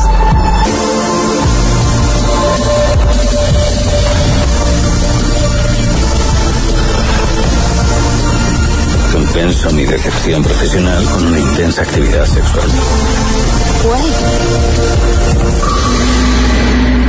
Venga, activa la cámara, que estamos solas. bé, explica'ns una mica Bé, aquesta pel·lícula és una mica estranya i el trailer tampoc eh, dona moltes pistes. A més a més està, està rodada així en un blanc i negre que li dona un aire bastant antic. Perdó. eh, però és una pel·lícula realment molt, molt moderna eh, parla d'una mena de, de quadrilàter amorós ja, ja ni tan sols uns triangles és més un, un quadrilàter, tres noies un noi i és una mica les peripècies que, que es genera al seu voltant és, eh, al final és un assaig sobre les relacions humanes com els temps actuals eh, i parla sobre aquest equilibri entre l'amistat, el sexe eh, els models de relació la manera que tenim de relacionar-nos actualment en, en una escala més íntima, ja sigui això d'amistat afectiva, i al final és una anàlisi de, de personatges i de la manera que tenim de, de, de, de, de relacionar-nos amb això.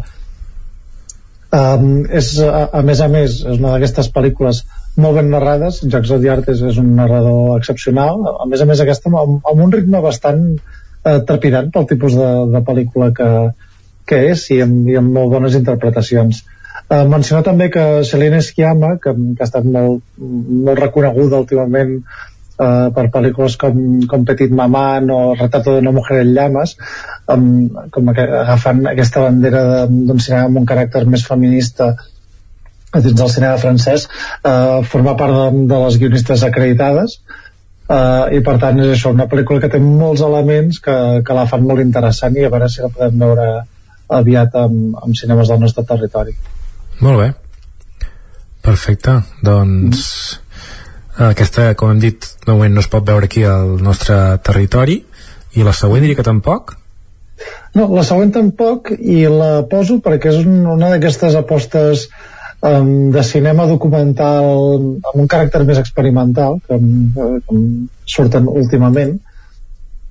I és una pel·lícula on, on pràcticament no hi ha narració i on la protagonista és una vaca i així es titula la pel·lícula, Vaca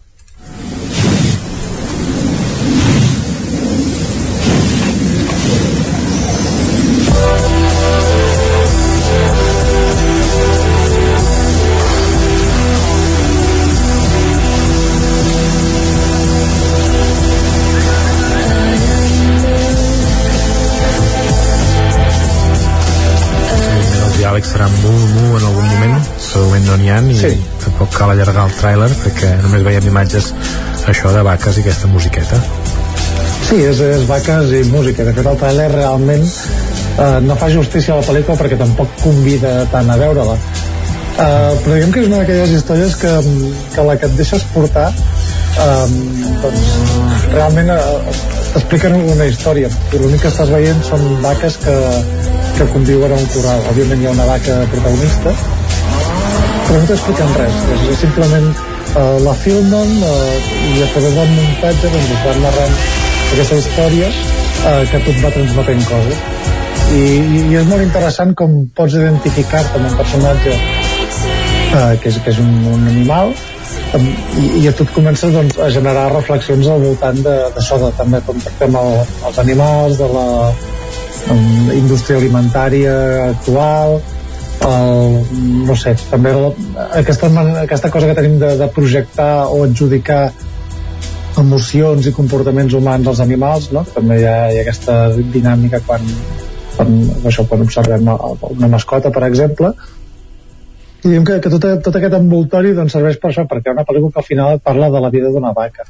En, en una línia molt diferent, perquè això al final és un documental, m'ha fet pensar en una pel·lícula molt, molt cèlebre eh, que es diu Alazar Baltasar um, que, que és, és una pel·lícula on el, allò sí que és una ficció però el protagonista és un asa uh mhm. -huh. i clar, l'asa no actua passa que simplement a través de, de les imatges a través del punt de vista de, del director, o en el cas de Vaca de la directora doncs aquell animal doncs, et comença a transmetre emocions no? i és una mica aquesta reflexió alhora sobre la, mm. la màgia del cinema com a art per, per explicar històries a través de, de les imatges no sé per si... és una pel·lícula molt interessant i espero que es pugui veure aviat també Sí, de fet, no sé si era aquesta que comentaves ara del burro o alguna altra en van parlar, no sé si va ser pel Festival de Sitges, no ho recordo bé exactament no, no, perquè la, la Zarba és una pel·lícula bastant vella de l'any 66 de, de, de Robert Bresson mm.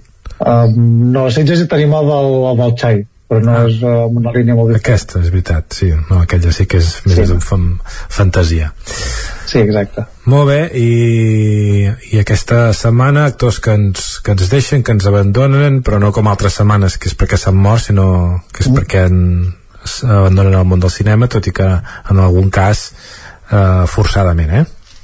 Sí, tenim casos més extrems que altres. Si vols comencem pel més lleu, que és uh, un que m'has comentat tu, que jo no coneixia, sí. Uh, que és uh, Jim Carrey, que, que ha dit que durant la promoció de, de Sonic 2, pel·lícula que, que vam parlar ja la setmana passada, on ell interpreta el dolent de la pel·lícula, doncs ha dit que, que està bastant ja cansat del món de l'actuació, que ja ho ha fet tot, i que molt probablement es retiri. Per mm. tant, eh, ja veurem si això acaba realment amb, amb que es retira de l'actuació o, o que potser hi ha algun paper que li interessa i torna, això no ho sabrem mai mm. bueno, ho sabrem quan, quan faci alguna pel·lícula o no però, però bé, és el d'aquests primers actors cèlebres que ens abandona mm. el que ens ha xocat oh. més és el cas de, de Bruce Willis sí, uh, i, i a més a més ens ha servit per entendre coses Bruce Willis ha anunciat que es retira també de la interpretació perquè pateix afàsia que és eh, aquesta malaltia que afecta tant a la parla com a la lectura com a la comprensió i que òbviament això per un actor és molt problemàtic i, i sí que ens ha fet entendre per què Bruce Willis fa 3-4 anys que està fent tot de pel·lícules d'acció d'aquestes de, de sèrie B perdó, que van directes a plataforma que no s'estrenen en cinemes i que òbviament n'està produint com, com 3-4 a l'any i, i està fent diners doncs, per tractar-se d'aquesta malaltia. I de fet he llegit aquesta setmana que, que també s'està venent propietats per, per poder finançar aquest tractament perquè recordem que als Estats Units la, la sanitat no és pública i fins i tot algú que, que guanya molts diners al llarg de la seva vida doncs mm. diguem que està patint problemes per, per tractar-se d'una malaltia greu com aquesta mm. de fet això eh? potser les darreres pel·lícules també forçadament ja no hi havia tants eren més d'acció perquè evidentment poder no, no estava tan capacitat per, per aprendre i, i fer els textos mm.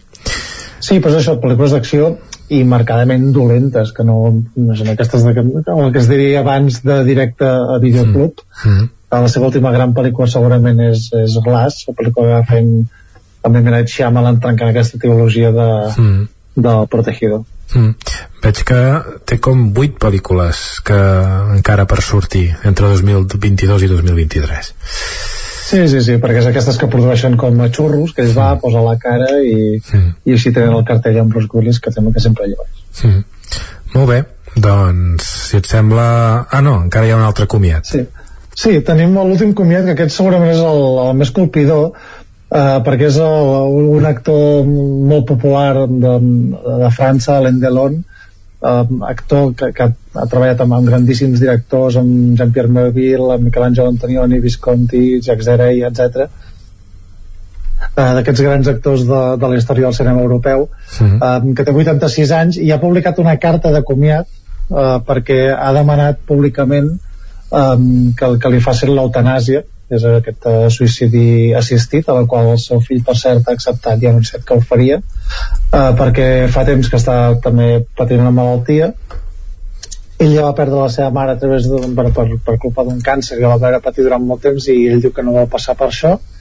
I per tant ha demanat l'eutanàsia. Per tant no ens ha deixat a l'Endeon però segurament ho farà uh, properament uh, i bé, ens deixa un magnífic actor que almenys té un llegat i una filmografia realment excepcional. Mm, que, que en, si haguéssim de mirar alguna cosa seva, o quan el, quan el coneixem, com, per on ens orientaries? Bueno, el, les més preferides, mira, El silencio de un hombre, que és titulada en francès La Samurai, de, de Jean-Pierre Melville, que és un director, un director extraordinari. Tenim l'Eclipse, d'Antonioni, El gato pardo de Visconti, segurament la, la seva pel·lícula més famosa, juntament amb la, amb la piscina, de, de Jacques Deray i una d'aquestes moltes pel·lícules així d'acció que feia a França d'aquestes d'atracadors o de, o de foragits que es titula Los, los Professionales de, de Jacques Laconte. Molt bé, acabem amb la cartellera de la resta de cinemes de, del territori 17, el cinema comtal de Ripoll.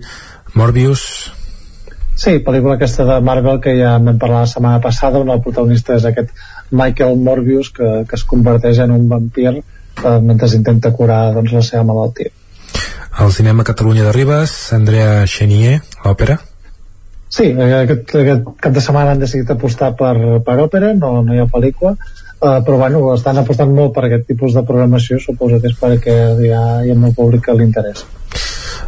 L'Alter de Torelló, El pare.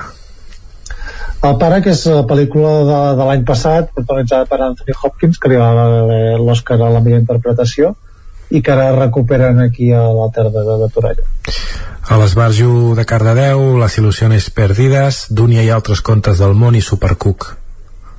Exacte, una gran aposta pel cinema infantil, en aquest cas, amb Supercook i, i Dúnia, i l'altre és, és cinema europeu, és una magnífica pel·lícula francesa basada en una, en una novel·la d'Honore de Balzac eh, sobre un poeta jove doncs, que, que es muda a París. Eh, bueno, doncs això, a, a començar la seva carrera com a artista. I és una gran reflexió sobre aquest eh, món de l'art, els vicis eh, aquesta passió irrenunciable. I tot i que se situa eh, diguem, a, a principis del segle XIX sí que és una pel·lícula molt moderna que parla de coses molt actuals i per acabar, al Cineclub de Vic la setmana que ve eh, tenim una nova oportunitat per veure sis dies corrents Sí, la nova i no sé si l'última ja, no sé si queda algun cine per posar-la, però sí, finalment a, Vic, a l'Espai ETC, podrem veure la, la pel·lícula de, Neus Ballús, guanyadora del Gaudí, millor pel·lícula. Molt bé, Gerard, doncs moltes gràcies. Uh, T'escoltem la setmana vinent, deixa'm mirar, perquè és que sóc fatal amb aquestes coses. Setmana però... vinent Setmana Santa, però... però setmana bueno, vinent... No... perquè sempre n'hi ha. Vale, doncs ja en parlarem, segurament a la veu sí, el territori 17 no, perquè el dijous no hi haurà programa. Doncs Gerard, moltes gràcies. Molt bé, moltes gràcies a vosaltres. Que vagi bé. Adéu. Territori 17, el 9 FM, la veu de Sant Joan, Ona Codinenca, Ràdio Cardedeu, Territori 17.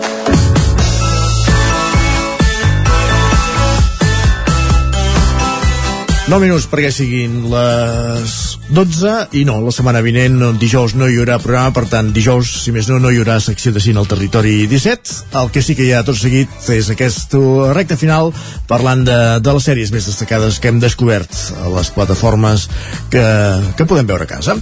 I per parlar de sèries avui ens acompanya d'una banda l'Òscar Muñoz des de la Ràdio Televisió Cardeu, bon dia Òscar Bon dia. I també la Caral Campàs, via telefònica des d'Ona Codinenca. Bon dia, Caral. Bon dia. I en un breus moments incorporem també l'Isaac Muntades. Comencem, va. Uh, L'últim dia la Caral es va quedar amb coses per dir al tinter. Comencem avui per tu. Caral, què ens proposes? Què has vist? Doncs... Què recomanes? A tu t'agraden els uh, concursos de cuina tipus Masterchef, Isaac? Uh, no especialment. Bueno, no és que no m'agradin, ja et dic, més que no m'agradin és que no, tampoc els segueixo. D'acord, doncs jo vinc avui a proposar-vos uh, una, una sèrie similar a Masterchef. És un concurs de cuina que s'anomena És una tarta, amb interrogant, és, una, és un pastís. Uh, és una sèrie concurs que es pot trobar a Netflix i um, perquè et facis una idea són pastissers especialitzats en fer pastissos amb formes poc habituals que, que concursen per guanyar un premi. I què vull dir amb poc habituals? Aviam, vull, dir per, vull dir, per exemple, doncs, en forma d'hamburguesa, en forma de bistec, en forma de petxina, en forma de, fins i tot, el típic cubell i pala petits per jugar a la sorra de, dels nens, eh, doncs sí? un pastís en forma d'això, també. Um, Llavors, el programa es tracta de que són això, cuiners especialitzats en fer aquest tipus de, de pastissos i fan una prova que ells han d'escollir doncs, algun dels objectes que, que els hi donen i tenen durant unes 10 hores estan cuinant, creant aquest, aquest pastís i després el jurat ha de descobrir entre els objectes que els hi posen, per exemple, doncs, objectes o, o, o coses de, de menjar, eh? per exemple, els hi posen bistecs, els hi posen 10 bistecs i un dels 10 bistecs és un pastís i llavors els, uh, el jurat ha de descobrir uh, quin és el pastís. Llavors, si no ho descobreixen, representa que, que el, uh, guanya, no?, el, el, el pastisser que, que l'ha fet, exacte. Llavors, d'aquest estil hi ha altres programes o sèries que no he vist, però uh, i que us els comento per si hi ha algú que, que li agraden aquest tipus doncs, de, de sèries o de programes, que són Acadèmia de Xocolata, Acadèmia del Chocolate, uh, Dulce Ingenieria, sí. també, uh, i de, també The American Barbecue uh, Showdown. Uh, aquest també és, és una sèrie nominada els Emmy, on xefs d'Estats Units, Austràlia i Mèxic doncs, concursen en, en fer barbacoes i es veu que també és tot un món i que cadascú té les seves doncs, particularitats. Molt bé. No, no he vist aquest tipus de sèries. El que sí que puc aportar, per exemple, és que a Girona hi ha una botiga especialitzada en dolços en forma d'òrgan genital masculí. Però, uh, sí, això de buscar formes als pastissos curioses, doncs mira, eh, eh, eh, això no és cap pel·lícula, és ben real, aquesta, aquest establiment. Tu, Òscar... També hi ha femenins. També? Ah, també hi ha femenins, sí, es va tan de moda el, el tema. Uh, sí. Estàs al cas tu d'aquest tipus de concursos sèries sí. que es comentava la, la sí, Caral? Sí. Aquest, aquest me'l vaig, me vaig mirar durant un dia sencer, o sigui, me'l vaig veure de, a primera. Eh, em va agradar molt, em va cridar molt l'atenció que, que els, els pastissos són igual que l'objecte o, o millor encara. O sigui, I clar, també el jurat veu tots els també jo crec que els hi posen unes llums diferents que els altres, llavors com que també jugant que el jurat no sap li posa més difícil la, les coses al jurat, no, jo crec, però, però sí, sí, eh, ho fan ah, molt bé. De fet, això, la indústria està especialitzada ara a fer, en fer hamburgueses de, de soja amb gust d'hamburguesa de vedella, però vaja, o de barbacoa o de pollastre, del que sigui. Per tant, eh, veig ja, que és una doncs tendència, és una tendència que s'estén. Exacte. Sí. Què ens aportes avui, Òscar, tu? Doncs jo avui volia parlar d'una sèrie relacionada amb el món de la ràdio mm. als anys 80 on ens ensenya com era Eh? Ràdio Cincinnati. Ensenya... No, no, no. Dels anys 80, aquí a Espanya, on la ràdio esportiva nocturna, o sigui que estem ah. parlant de... d'algú així més fort. El, el botanito, eh, sí. Exacte, com tota la competència que hi havia. Val? La sèrie es diu Reyes de la Noche i és una petita sèrie de Movistar Plus. Només hi ha una temporada, es va cancel·lar, no se sap si es farà la segona Eh, doncs això, està a Movistar Plus, jo vaig aprofitar una oferta que hi havia d'un cèntim al mes, llavors doncs la, me la vaig poder mirar, són sí. uns 6-7 capítols, així que és molt fàcil de veure. Uh, aquesta sèrie ens parla de, bueno, ens parla de, hi ha un gran protagonista que és el Paco El Cóndor, és un periodista esportiu més important de la ràdio espanyola als anys 80 on els oients eh, l'admiren i els jugadors dels clubs i els presidents i del govern també inclús doncs l'odien eh, el seu programa Exacte. El seu programa de mitjanit doncs, reuneix a, doncs, a milions d'oients des de fa doncs, molts anys. El Còndor no té rival fins que el seu ajudant, el J. Montés, el seu alumne més avantatjat, la nova promesa de la ràdio, comença a fer el seu programa esportiu i allà esclata una guerra eh, amb, els dos, amb els dos periodistes que intenten, bueno, estan disposats a literalment mm, a fer de tot per aconseguir el tro del rei de les ones. Carai. Tot i que els directors d'aquesta sèrie ens diuen que els protagonistes són ficticis, i tot i que les històries també, doncs eh, aquesta sèrie ens narra la història mm, mm fictícia però, però de dos, de dos protagonistes. Exacte. Un seria el José María García. Sí que en aquest cas seria el Paco el Cóndor i també el J. Montés l'ajudant, que seria el José Ramon de la, de la Morena. Morena. Com no. Exacte. I en aquesta uh, lluita, doncs, digues, digues. això ens ensenyen com, com és la, la història o com és la ràdio en aquella època. Molt. I una sèrie, per acabar així, és una sèrie molt polèmica, ja que el José María i el José Ramon doncs, no, va, no van estar massa contents eh, ah, com la sèrie com els, els deixava. Com els ha retratat. Ràpidament Exacte. tenim 30 segons. Isaac Montades, bon dia. Uh, bon dia sé que volies parlar de 800 metres, però potser ho deixem per la setmana que ve, no? Perquè, clar, que ho deixem per la setmana que ve. 30 tant, segons de programa. Recordem que és aquesta sèrie documental de tres capítols sobre la cèl·lula que va perpetrar els atentats de Barcelona i Cambrils el, el 17 d'agost de, de 2017. Uh, doncs amb aquestes dues aportacions que ens feien la Caral i l'Òscar ho deixem aquí, gràcies a tots tres i disculpa Isaac per, perquè Cap per, per el robatori de temps. En parlem la setmana que ve, va. Gràcies a tots tres, bon dia. Adéu. Gràcies, adéu.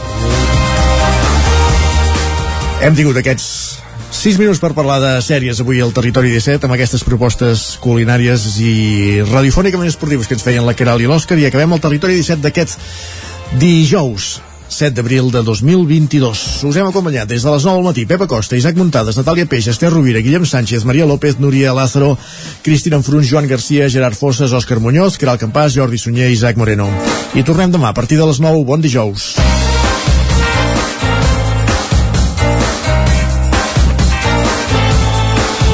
Territori 17 un magazín del nou FM. La veu de Sant Joan, Ona Codinenca i Ràdio Cardedeu amb el suport de la xarxa. El 9 FM,